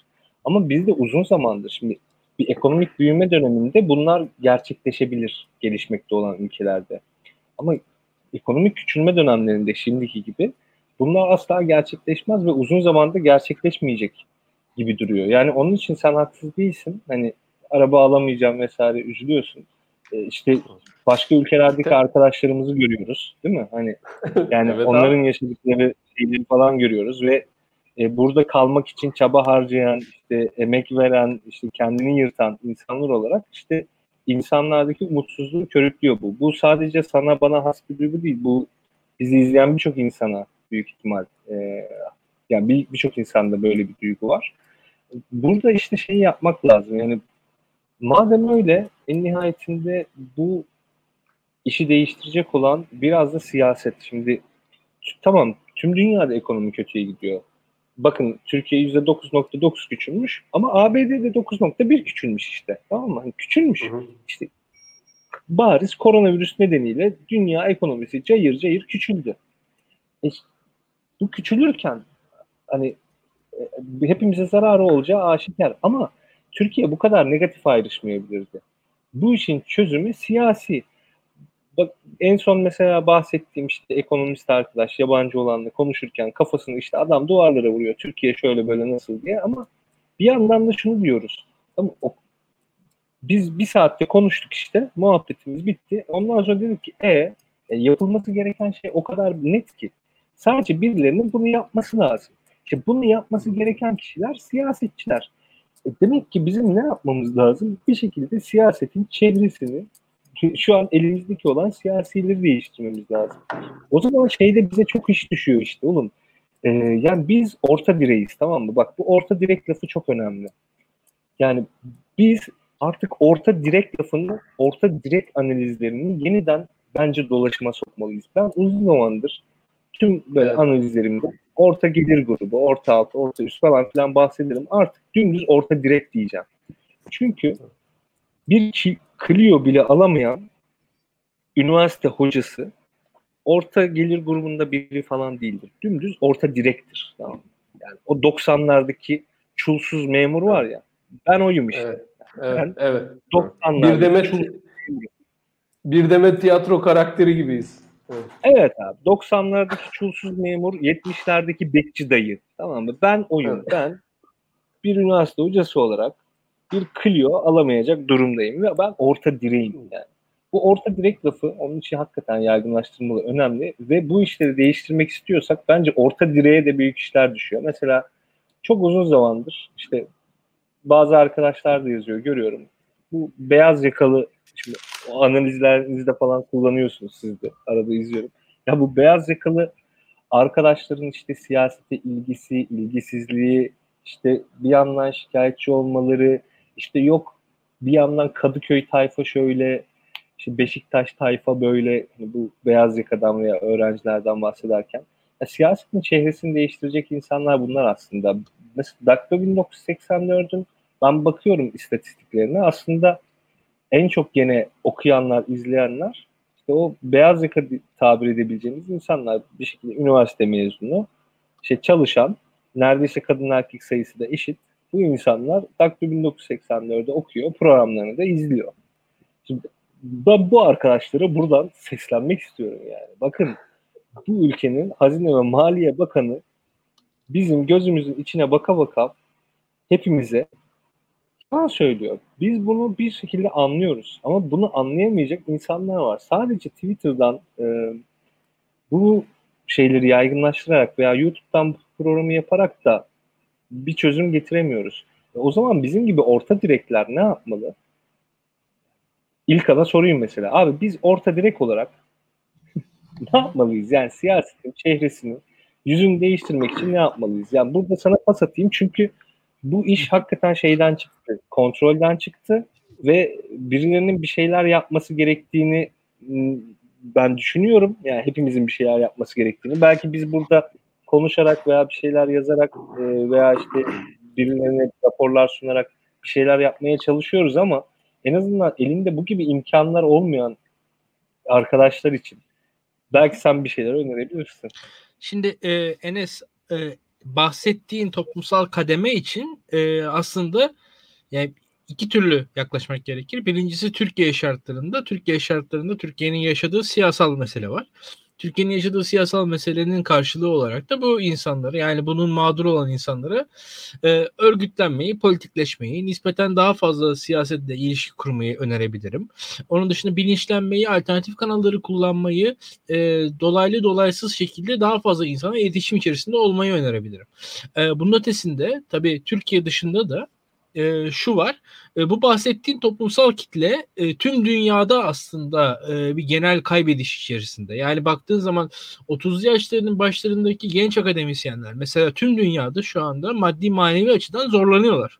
E, baskı altındalar. E, hem iş açısından hem maaş açısından tüm dünyada baskı altındalar. Bu tesadüf değil açıkçası. E, şöyle söyleyeyim e, tüm dünyada toplumsal olarak e, eğitimin e, insanlara sağladığı iş e, ve sosyal ayrıcalıklar e, iş e, maddi ayrıcalıklar yok oldu. Yani yok oluyor yok olmakta. E, bu acı bir süreç. Çok acı bir süreç. Ve Türkiye'de biz bunu daha da acı yaşıyoruz. Biz şu anda çünkü e, sen benden daha iyi biliyorsun. 2000'li yılların arkasından e, ki büyüme sürecimizde bile aslında e, verimlilik artışımız belli bir sınırlarda gitti ve daha ziyade mesela iş gücü süresi arttı. Yani atıyor, atıyorum benim gördüğüm bir süreçte Türkiye'de hani bir haftada 40 saat çalışan insanlar bir haftada 50 saat çalışmaya başladılar. Yani ve bu standart oldu ve özel sektör böyle değildi.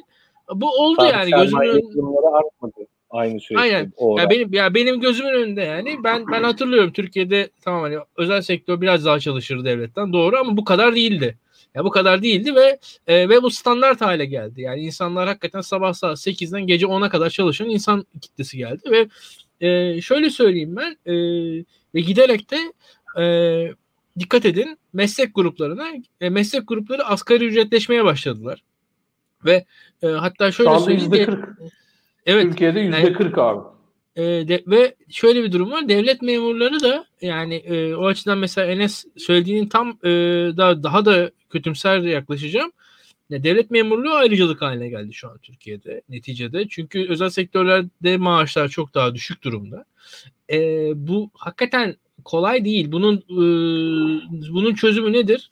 Tabii e, işte sabit sermaye yatırımlarının arttırılması, tasarrufun arttırılması bunun için yeni teknolojilerin yayılması, yeni pazarlar, yeni iş imkanları, e, bunlar hepsi ama bunlar e, ve girişimcilik işte COBİ'lere destek tamam hepsi tamam ama bir yandan da devletin sosyal bir desteği e, veyahut da en azından kamu harcamalarının kısılması belki bir şeylerin değişmesi yani bu sistemde bir, birkaç hata var şu an bu, bu net gözüküyor ortada. Yani e, bugün şöyle basitçe söyleyelim. E, benim işte e, yakın bir arkadaşımın bir minik fabrikası var. Fabrikadaki ustabaşı yani atandığı anda belediyeye geçiyor. Anlatabiliyor muyum? Hani hiçbir şekilde. Ya çünkü şöyle bir durum var. Kamusal e, kamudan daha fazla maaş vermesi imkansız benim arkadaşımın ona. Yani ya, ve şöyle yani gayet başarılı, işinde gücünde falan ustabaşı. Yani adam çalışıyor. Yani disiplinli bir adam. Hani tam teknik olarak emekçi bir insan yani ve bu anında memur olmak istiyor. Yani neden memur olmak istiyor aslında? Hani başarılı bir işçi aslında adam yani. Hani. E, ve hani tam bahsedilen var ya yani ara eleman dediğiniz insan yani. O, tam o, o, o yani. İyi bir ara eleman tam anlamıyla. Anında belediyeye geçiyor. ilk fırsatta. E, yani e, durum bu. Yani şu an Türkiye'de bu sistem böyle sürdükçe de bu, bu daha da aşağıya gidecek. Yani biraz daha korkutucu e, anlatıyorum ama e, tabii dünyada da sorun var. Yani ben şunu söyleyebilirim mesela benim annem babam üniversite mezunu. Onların üniversite diplomasıyla elde ettikleri ayrıcalıkları ben elde, elde edemedim. Yani daha e, ve muhtemelen e, bundan sonra da kimse elde edemeyecek. Ben hatta sizden birazcık daha yaşlıyım mesela. Ben benim zamanımda yani öğrenciyiz den, dendiği zaman belli ayrıcalıklar elde edebiliyordunuz. Yani en azından insanların size sempatisi bile daha yüksekti. Şimdi artık gençlerin öyle bir sempatin falan kaldığını düşünmüyorum ben. Yani bakkal muhtemelen daha da zam yapar. Yani ben çünkü yani öğrenci izleyerek bakkaldan daha ucuza mal aldığım alınan eski Türkiye'yi hatırlayan bir insanım yani öyle söyleyeyim ben. Hani öyle bir sempatik yaklaşılan zaman vardı Türkiye'de. Çünkü öğrenci azdı zaten yani. Hani öyle bir şey vardı. Ee, artık tabii yani çözüm zor. E, ve şunu da söyleyeyim. E, Enes daha da bir geçen programlarda ben bundan bahsettim. Şu an mesela diyoruz ya e, işte bu kadar insan üniversite okuyor. Yani ve onun sonucunu alamıyor. Bu sonuç alamamasının sonunda bakın e, bir 5 yıl sonra 10 yıl sonra böyle giderse bu üniversite sınavlarına girecek insan bulamama tehlikesi var Türkiye'nin. Bak çok, çok enteresan bir şey söylediğim farkındayım. Ee, biraz iddialı da bir şey. Yani insan bu kadar işsizlik bu, bu bu kadar büyük bir artış devam ederse yarın bir gün sınavlara girmeyecek çocuklar. Yani daha da kötü olacak. Bakın bayağı bir ben 10 yıl sonra falan e, bayağı bir üniversitenin boş kalabileceğini düşünüyorum. İnsanlar e, neden vakit harcıyorum diyecek. Neden maliyete giriyorum diyecek. Yani e, hiç dolaşmayacak Kesinlikle. oralarda. Yani bu, bu çok daha fenası geliyor ve bunun sonunda şunu da söyleyeyim.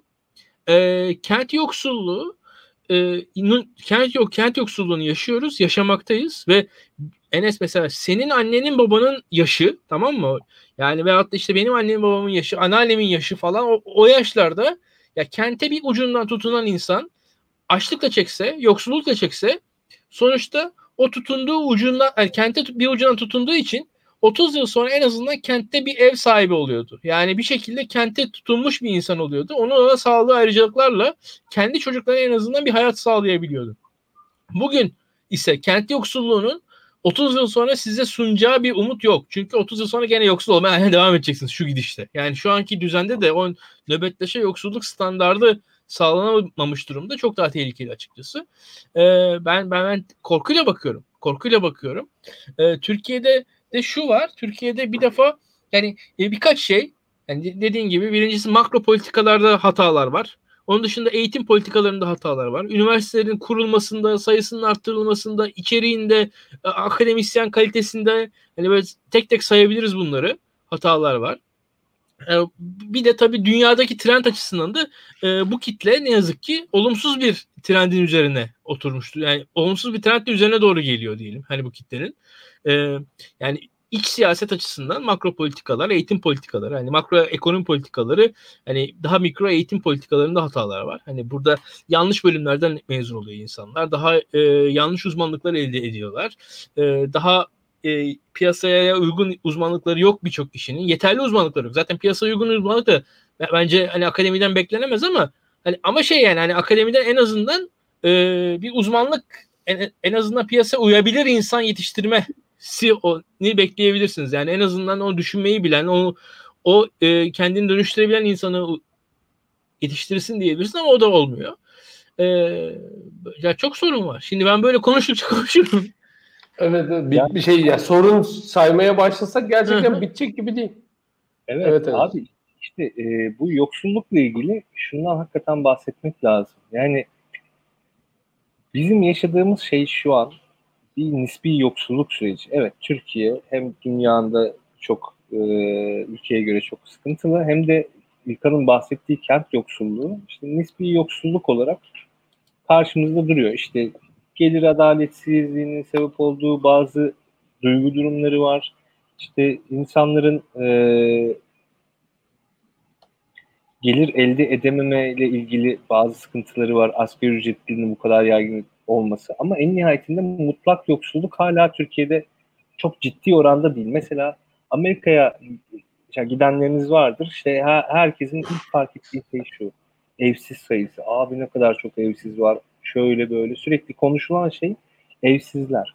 Şimdi o evsizlerin yaşadığı şey aslında mutlak yoksulluk. Şimdi belli başlı işte sosyal devlet politikalarının olmayışından tut, işte sistemin bazı aksaklıklarından ne kadar işte sebep olan şeyler aslında orada bakıyorsun evsiz insanlar yaratıyor. İçerisinde işte avukatından tut ne bileyim e, okumaz yazma bilmeyen ne kadar birçok insan var o evsizlerin içerisinde. İşte Türkiye'de de böyle bir mutlak yoksulluk süreci yaşanabilir. Yani İlkan'ın dediği o noktada doğru. Yani 10 yıl sonra şimdi Kubilay da yazmış mesela güvenlik problemi e, gelir gençler işsiz ve okulsuz olursa demiş. Hakikaten öyle. Hem güvenlik problemi gelecek hem de mutlak yoksulluk sürecini tetikleyecek. Yani şu an biz Türkiye'de sokaklarda evsiz pek görmüyoruz. Şimdi Taksim'e gittiğimizde görürüz ama işte sağda solda öyle semtte memtte pek evsiz görünmez. Yani bir 10 yıl sonra tekrar buna bakmak lazım. Bu çok ciddi bir süreç Türkiye için. Yani Bunlar peki e, ben bu geçen hani acı şey Ali Babacan'ın bir şeyi vardı ya böyle çözeriz diye bir e, hareket Evet. yapıyordu. Abi çok haklı. Bak bazı konularda gerçekten şak diye çözersiniz. Çünkü ekonomide hakikaten orta yani kısa ve orta vadedeki bazı şeyleri gerçekten şak diye çözebilirsiniz. Çünkü bunların e, çoğunun temelinde beklentilerin ve öngörülerin kötü olması yatıyor. Mesela sana gönderdiğim görseller içerisinde şey var. Bak, e, tüketici güven endeksine ilişkin bir görsel var. Onu bir yansıtabilir misin? Ben hala yansıtamıyorum ekranıma bir şey. Açıyorum abi hemen. Şimdi Şu anda görünüyordur zaten. Heh. bak gene Hazine ve Maliye Bakanlığı logosu var. Gene Berat Albayrak'ın attığı bir tweet bu. Şimdi baktığınız zaman tüketici güven endeksi değil mi? Nisan, Mayıs vesaire falan filan böyle gidiyor artış Evet. eğiliminde. Altta ölçek ne? Sıfırdan yüze Yüz. kadar. Görüyorsun. evet. Bu gene yalan söylemektir. Ekonomi güven Evet. endeksinin ölçeği sıfırdan yüze değil, sıfırdan 200'edir. Yüzün aşağısındaysa bu değer ekonomiye hala güvenin olmadığını gösteriyor ve bunun alt kırılımları var. Durum felaket.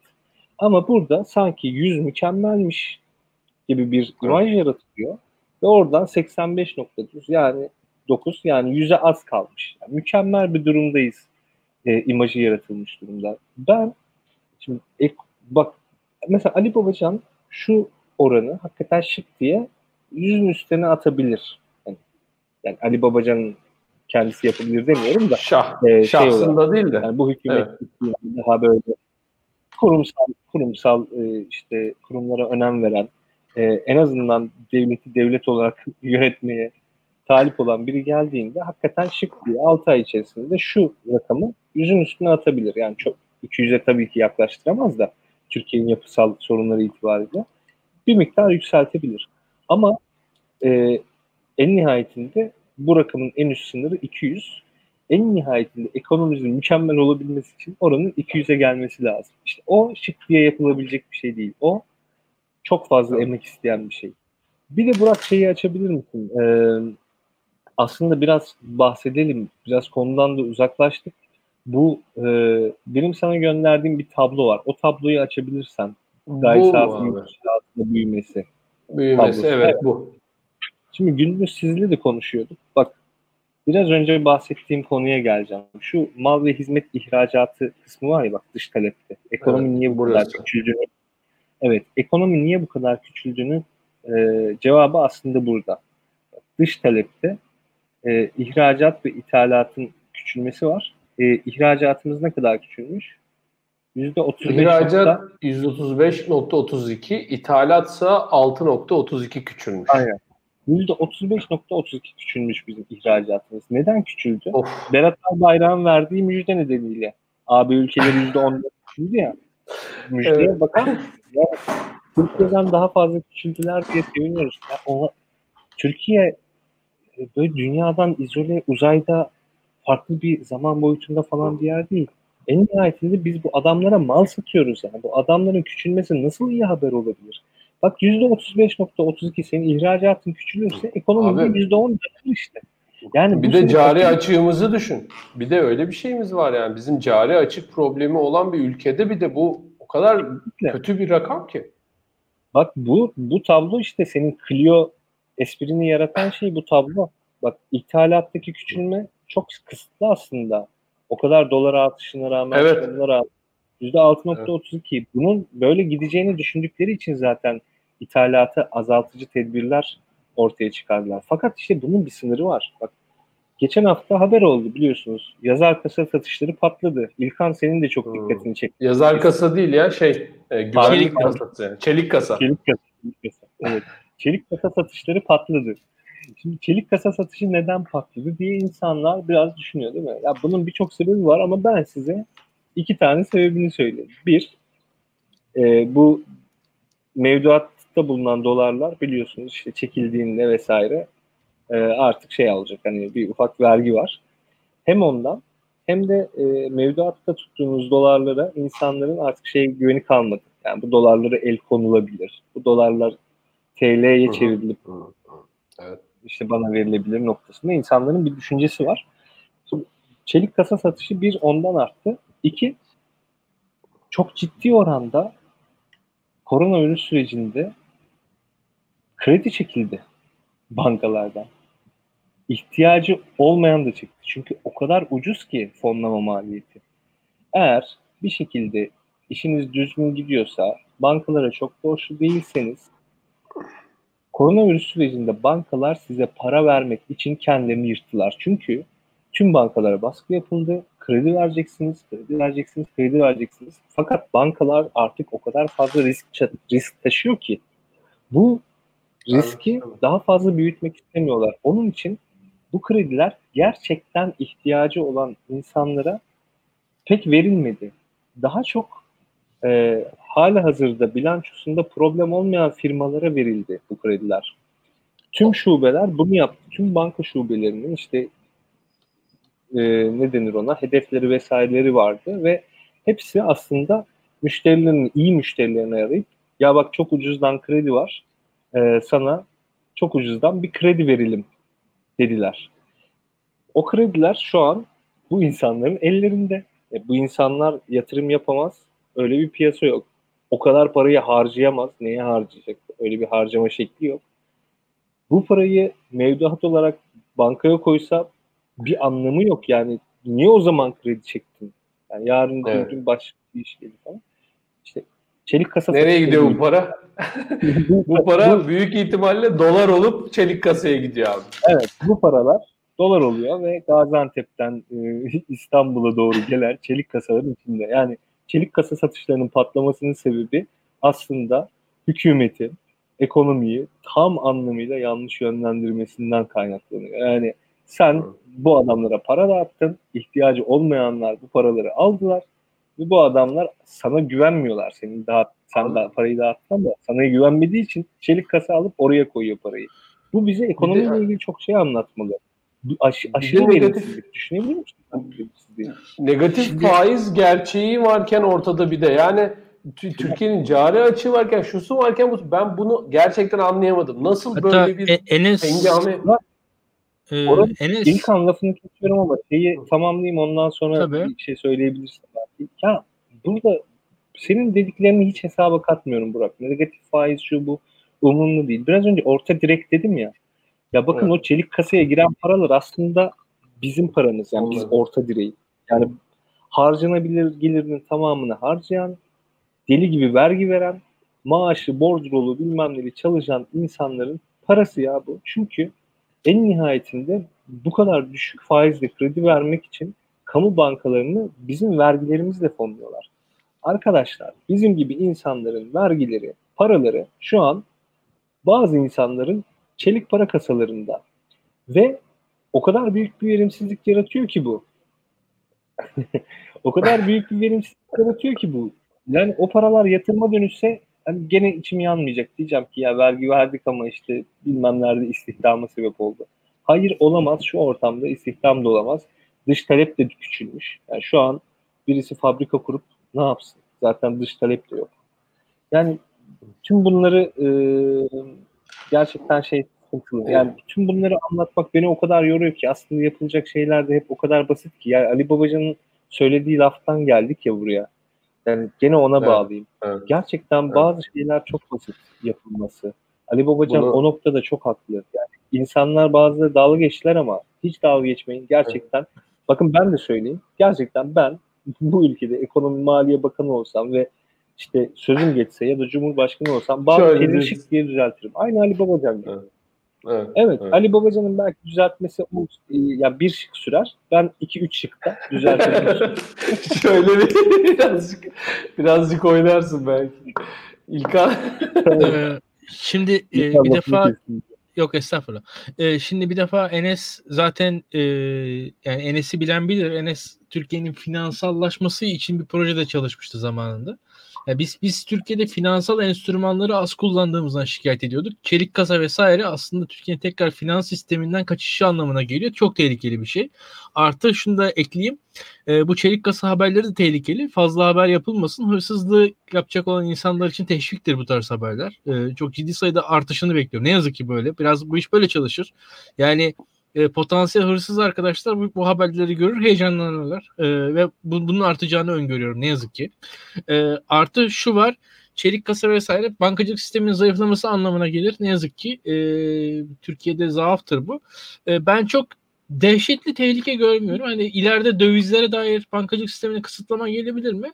Ya o kısıtlamalar bile şeydir. Hani e, para çekme limiti sınırı olur. O paraya kimse el falan koymaz. Öyle bir şey olmaz da hani o, o, o tarz bir şey olmaz. En fazla hani Yunanistan'da falan onlar olmuştu. Öyle çok da korkutmaya gerek yok insanları. Yani öyle bir e, spekülasyon falan yapmamak lazım zaten. Hani öyle söyleyeyim. Bankacılık yasası dikkatli olmayı gerektirir.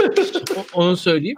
E, bu, bunun haricinde şu var. E, bence bence önemli. Yani biz bu e, otomobil fiyatları üzerinden konuştuk aslında. Şimdi mesela Enes e, daha makro veriler üzerinden konuştu. Bazı şeyler mesela ilk başta size çok güzel gözükür. E, ama real etkisi tam öyle olmaz. Yani ilk başta bir doğru hani bir, bir doğru tarafı vardır diye düşürürsünüz onu. Yani mesela dersiniz ki ya, faizi düşürürsek kardeşim işte e, zenginlerin e, toplum üzerinden elde ettiği rantı azaltırız. Bir doğru tarafı varmış gibi gelir hakikaten ama şu var siz faizleri düşürürsünüz ev fiyatları artar. Aslında o evlerin sahipleri zenginleşir. Yani hikaye budur veyahut da ve lüks arabalara siz vergi koyarsınız. E, kendinizce işte zenginlerden lüks araba alanlardan vergi aldığınızı düşünürsünüz. Ve, ve alırsınız da belki de ama aslında şu var. Hala hazırda araba olanların araba fiyatları artmış oldu şu an Türkiye'de gibi. Yani bu yani esasında şu var hani fiili olarak siz sistemi düzgün kurmadıkça, sistemde sorunlar oldukça bu tarz e, rakamlarla oynayan, bu tarz e, kısıtlarla fazla oynayarak aslında siz e, çok da beklediğiniz, istediğiniz, arzu ettiğiniz veyahut da arzu ettiğinizi söylediğiniz şeyleri de yapmıyorsunuz diye düşünüyorum ben. Türkiye'nin yönetiminde, ekonomi yönetiminde bu tarz ciddi zaaflar var. E, ilk başta aslında en temelde hani e, ya, yani tekrar tekrar belki yani Enes bu yayını yaptı. Hani faiz mi ekonomiden doğar, ekonomi yani enflasyondan doğar, enflasyon faizden. Ya şimdi biz tekrar buna döneceğiz ama e, e, e sonu ona doğru gidiyor. E, Türkiye tabii bunun daha gerisinde başka sorunları da var Türkiye ekonomisinde. Yani e, özel sektör ne, neden yatırım yapmıyor? İste, istendiği kadar daha doğrusu neden yatırım yapıyor? Bu işte neden devlet giriyor? Bu yani e, belli ki bir yerden sonra Türkiye'de AK Parti hükümeti ekonomi yavaşladıkça e, kendisi en azından bu e, yatırım yaparak e, Türkiye'yi büyütmeye çalıştı. Bunun da bir sonu, sonu geldi. Yani o oyunun da sonu geldi. İşte zaten o e, kamu garantili, hazine garantili olan ödemeler vesaireler o, o, onlara girildi, girildi, girildi. O, o şey de doldu. Daha fazla bir tıkandık yani ekonomide diye düşünüyorum. E, bu çelik kasa meselesi tehlikeli. Bunu söyleyeyim yani hakikaten tehlikeli ve e, yani bir yandan şey oluyor gerçek yani bu, bu biz altınların bankacılık sistemine tekrar entegre olmasını umuyorduk yani biz e, Türkiye ekonomisi bunu konuşuyordu. Herkes altınını getirsin bankaya versin falan deniyordu. Ee, şu an aslında şöyle bir durum var. Ee, hükümetin kendince dolar artışını engellemek için koyduğu e, kısıtlar diyelim. Yani o e, döviz alışverişine konan vergiler vesaire o, o tarz şeyler e, ciddi aşamada bir noktada hükümetin kendi ayağına sıkmasına sebep olabilir bir kriz anında diye düşünüyorum. O tarz şeyler yani terse dönebilir. Ee, yani piyasanın aslında e, daha bir açıdan daha volatil olabiliyor oluş. Yani piyasanın serbest oluşu sizi bir yerde kurtarabilir. Çünkü şu an kendimizi de kısıtlıyoruz gibi geliyor bana. Ya bunu Enes anlıyor. Ya birazcık daha e, te- tehlikeli birkaç hareket var. Bakalım ne olacak bekleyeceğiz. E, ben biraz tedirginim yani açıkçası. Ve bu ben bu e, kasa işi beni tedirgin ediyor. Onu söyleyeyim tekrardan. Ya bu kasa işiyle ilgili hakikaten İlkan işte ben olaya şey açısından bakıyorum. Yani bu kasalar niye alındı en nihayetinde? O açıdan bakıyorum. Bir diğer senin dediğin gibi tehlikeli. Şimdi bu bankalardaki paralara el koyma mevzu da zaten böyle bir şey olacağını hakikaten kimse söylemiyor. Bunu söylemek zaten en nihayetinde suç. Ama insanların kafasında böyle bir şey var. Ve bu o kadar sıkıntılı bir şey ki bak ben Türkiye'de bu finansal affedersiniz bilgisayarımı şarjıma takmam lazım. Türkiye'de finansal enstrümantasyon çeşitliliğiyle ilgili bir rapor hazırlamıştım tamam mı? Türkiye'de yani gerçekten bir çeşitlilik yok yani mevduat var işte borsa o zaman bir de daha da e, şeydi derin yazdı. Borsa işte mevduat bu yani hani başka da yok yani normalde bir Londra'ya gitseniz işte işlem çeşitleri bilmem neler falan filan çok fazla. burada da yeni yeni yaygınlaşmaya başlıyor. Şimdi o zaman o süreçte şeyi gördük. Yani insanların altınına olan bağı. Şimdi adam yani zaten yatırım yapamayacak durumda. E, tasarruf yapıyor ama bir yandan. Bu tasarrufu neden altın cinsinde yapıyor diye baktığın zaman Türkiye'deki hakikaten hep şimdi tarihsel bir tasarruf problemi zaten var Türkiye'nin. Ya Osmanlı'dan vesaire gelen tasarruf problemi var ama 90'lardan itibaren şöyle bir şey var. Tasarruf edebiliyor insanlar. Ama bu tasarrufu nasıl yönlendireceğini bilmiyor. Çünkü elinde araç yok ve o konuda bir bilgisi yok. Yani sadece bankaya da veremiyor. Çünkü dini nedenler var, kültürel sebepler var vesaire vesaire birçok şey var. Onun için şeyin yaygınlaşması önemliydi Türkiye'de. İslami bankacılığın yaygınlaşması çok önemliydi. Ki hatta arzu edildiği kadar yaygınlaşmadı bile. Yani bunun çeşitli sebepleri var ama yaygınlaşmadı. Onun için mesela ben ciddi bir şey yazmıştım. Yani bu İslami bankacılığın daha da yaygınlaştırılmasına ilişkin. İşte e, bunların yani bölge merkezlerinin falan filan e, Anadolu'da çeşitli yerlerde açılması, bunların teşvik edilmesi, oralarda e, çok ciddi İslami finansa ilgi duyabilecek insanların olduğunu belirten şeyler yazmıştım. Olmadı. E, yani çünkü şey bizde yatırım eksiği var. Yatırım için sermaye eksiği var. Sermaye için bankacılık ve finans sisteminin büyümesi gerekiyor zaten. Bankacılık zaten ne, ne işe yarar zaten? Banka en nihayetinde e, tasarruf edenle yatırım yapmak isteyeni buluşturmak için bir aracı. Yani bankanın temel işlevi o yani. Hani tarihsel olarak da zaten kelime anlamıyla da o yani. Gerçekten bir hani banko lafı var ya işte Roma'dan gelen. O yani bankanın zaten işlevi bu. Bizde bankalar şu an şey değil tabii. İşte Ali Babacan'ın da dediği bir şey vardı hatta. Belki hatırlarsınız. Son 6 ayda mı dedi, bir yılda mı dedi, 200 küsür tane üst düzey bankacı görevinden ayrıldı veya alındı gibi bir şey söyledi. Evet. Ya, Onun oo, için, şimdi... O lafın işaret ettiği şey işte ne biliyor musun? Konuş. O laf... Abi Konuş şimdi, yani işte o, o konu çok alengirli bir konu. Hayır şimdi çok fena bir konu o yani şimdi. Çok fena. Şimdi bak evet. bu lafın işaret ettiği bir şey var. Bu evet. laf bankaların banka değil yani bankalar normalde dediğin gibi yatırım yapan, yapmak isteyenle tasarruf eden arasında aracıdır. Bankalar artık öyle değil. Bankalar başka bir şeyle başka bir şeyin aracısı şu an. Ee, bu bunları işte o parmak şıklatma şeyi var ya o aşağı yukarı bunlar yani. Şimdi Türkiye'de SPK hala duruyor mu? Duruyor. BDDK hala duruyor mu? Duruyor. Rekabet Kurumu duruyor mu? Duruyor. Merkez Bankası var mı? Var. Şimdi bunlar var. Bunların içinde çalışan insanların hepsi defedildi mi? Hayır. Hepsi bir gecede cahil mi bırakıldı? Hayır. Bu insanlar hala var. İşte onun için o şıklatma mevzusu o. Yani bu kurumlarda mesela SPK'nın başkanı sanırım Mehmet Ali Akben'di bir önceki başkanı.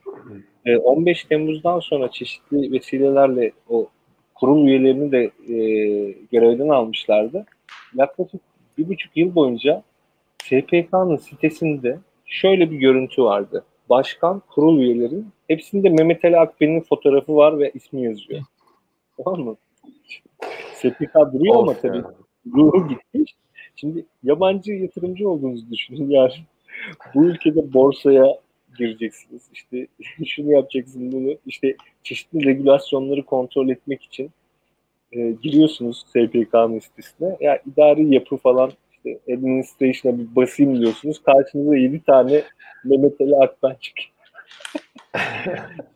Ali Babacan'ın ışıklatarak düzeltmekten e, bahsettiği şeyler bunlar. Yani oraya gerçek bunlar insanların duyulması e, vesaire vesaire gibi şeyler. Ya bu evet. arada şeyden bahsedebiliriz belki. Bugün e, ya senin birkaç sorun vardı evet. sanki. Ya. Enes Onlar... Bey Deva Part Enes Bey Deva Partisi'nden mi yazmış birisi? e, değil arkadaş. değil yok. yok. Yani. Ben, ben başlattım bu şeyi. Daktilo 1984'tenim. Evet. evet. Ya bu arada e, bu program çok izleniyor. Bizim en çok izlenen programımız haliyle. Yani kendi reklamını yapayım. Yani eğer programı izleyip bizim YouTube kanalımızdaki diğer programlara göz atmadıysanız rica ederim bir göz atın. Benim de varsayılan ekonomi diye bir programım var. Ee, ekonomik mevzularla ilgili yapıyorum genelde. Ya valla ya bu arada hakikaten Enes'i aslında şöyle Enes tam bizim ekibin merkezinde ama biz en çok izlenen programları Enes'i almadık. İlkan burada bir kaset arıyorum ben de. Evet aynen biraz öyle bir şey oldu. E- Enes'i daha çalıştırıyoruz biz böyle. evet. Enes'i aslında her her işimizin altında imzası olan bir arkadaşımız ama e, e, çok da bilmiyor olabilirsiniz. Çünkü buraya çıkartmadık. evet Enes'i daha Enes'i daha fazla çıkartmamız lazım. Allah razı olsun. E, varsayılan ekonomi diye bir program var. Zaten aslında yani Daktilo'nun e, programlarına buraya gelip onun diğer programlarımıza bakmıyorsanız e, şey e, doğru bir şey yapmıyorsanız e, varsayılan ekonomide önemli bir ekonomi programı. Bizim bizim ekonomistimiz olduğu için daha da önemli. Kesinlikle takip etmenizi isteriz ve tavsiye ederiz. E, şöyle şimdi bir saat 40 dakikayı geçtik. Ben artık yavaş yavaş kapatalım istiyorum. Ee, eğer eklemek istediğiniz bir şey var. Şimdi Bilgehan Hoca'nın da Bilgehan Hoca olduğu zaman her, onun tabii hamile bir eşi olduğu için sürekli bir baskı altında hissediyordum kendimi. Bu sefer de Enes'in bu sefer de Enes onu diyeceğim. Enes hem e, tatilde eşiyle hem de onun da minik bir yavrusu var. E, bir başka baskı hissediyorum yine üzerimde. Ama şöyle hakikaten Enes'e çok benziyor bir yandan. Sadece bıyığı yok. evet gerçekten öyle. E, o yüzden e, istiyorum ki eğer bir son sözünüz yoksa yavaş yavaş e, programı kapatalım. Hande ile papaz olmayayım ben de. Eyvallah. Ya ben son son olarak şunu söyleyeyim hakikaten. Yani programın aslında genelinde bahsettiğim şey. Yani biz gerçeklerden uzaklaşarak ekonomik problemleri çözemeyiz. Fakat bu gerçeklere e, şeye de yakın, yani bizim söylediklerimizle de yakınlaşamıyor maalesef e, insanlar. Yani biz en nihayetinde bir etki gücüne sahibiz. Bunu kabul edebiliyorum ama insanların çoğuna sanırım Berat Albayrak kadar ulaşmıyoruz. Belki şeye kafa yormak lazım. Tabii ben bir ekonomist olarak buna kafa yoruyorum. Yani şimdi davranışsal konularda çalıştığım için yoruyorum ama ne kadar çözüm bulabilirim bilmiyorum. Yani bu manipülasyon, ya bu bu arada bu bir suç yani hani piyasayı bu denli manipüle etmek eee, çeşitli noktalardan suç. Yani bu suçu nasıl engelleyebiliriz? Bu suça nasıl karşı gelebiliriz? Bu noktada bazı şeyleri düşünmek lazım. Bence programı izleyen herkes aşağı yukarı bunu düşünse iyi olur. Yani bu kadar açıktan yalan söylenmesen şey değil. Bu Tayyip Erdoğan'ın yaptığı katrilyon e, işte TL mevzusu falan gibi değil yani bu iş. Bu iş dümdüz yalan söyleme mevzusu. Bu bugün gerçekten benim canım çok sıkıldı. Ben çok üzüldüm yani aslında. Yani önce bu tüketici güven endeksi mevzusu. Sonra işte bu yıllık küçülme e, mevzusu. Bu içimizi kanatan bir şey. Yani şunun farkında olmak lazım. Biraz önce İlkan dedi ya yani bu ülkede işte para bu yatırım niye yapılmıyor? Bu paralar niye şöyle oluyor? Bu paralar aslında niye çelik kasalara giriyor? İşte aslında bundan dolayı biraz daha. Şimdi ben param olsa nasıl yatırım yapabilirim? Nasıl bu ümidi, bu umudu koruyabilirim? Bana bu kadar yalan söyleyen bir e, iktidar varken. Yani her şeyi yapabileceğine e, ihtimal verebileceğim bir şey varken nasıl e, buraya yatırım yapabilirim? Yani insanlar kendine bile yatırım yapmaktan imtina eder noktaya geldiler ya. Neyse çok güzel bir bence muhabbet. Evet. Teşekkür ederim tekrar. Çok teşekkür ederiz Enes geldiğin için bizi aydınlattın. Bunlar ekonomi biz burada genellikle hep siyaset konuşuyoruz. Ekonomi bunun çok önemli bir parçası eksik kalıyordu. O eksiği e, tamamladın. E, çok sağ ol. E, İlkan senin de bir son sözün yoksa e, iyi geceler deyip kapatacağım. Ee, son sözüm yok ancak ekleyeyim. Çarşamba günü bir konuğumuz var bizim Nevşin Mengü. Ee, ilginç bir yayın olacak herhalde. Nezi Onur Kuru ile beraber Nabız. Bakalım herkesi oraya da bekliyoruz. Okey süper. Kıskandı. Reklam yaptık hemen. o da kendi reklamını yaptı. Ee, ben e, e, ben de bu perşembe bari Türk modernleşmesine çağırayım insanları biliyorsunuz. Benim de diğer program diğer programım o. Ee, beklerim perşembe günü. Ee, bu bu son şeylerle davetlerle e, programımızı kapatıyoruz. Bizi izlediğiniz için çok teşekkür ederiz. Daha fazla insana ulaşmamız için bizi paylaşmanızı sizden rica ediyoruz. E, abone olmayan zaten artık herhalde kalmamıştır. E, abone olanlar da bildirimlerini açmayı unutmasınlar ki programlarımızı kaçırmasınlar. E, herkese öncelikle e, karşımdaki dostlarıma Enes ve İlkan'a sonra da bizi izleyen herkese teşekkür ediyorum. Kendinize iyi bakın. Görüşmek üzere. Görüşürüz. İyi geceler. Hoşçakalın.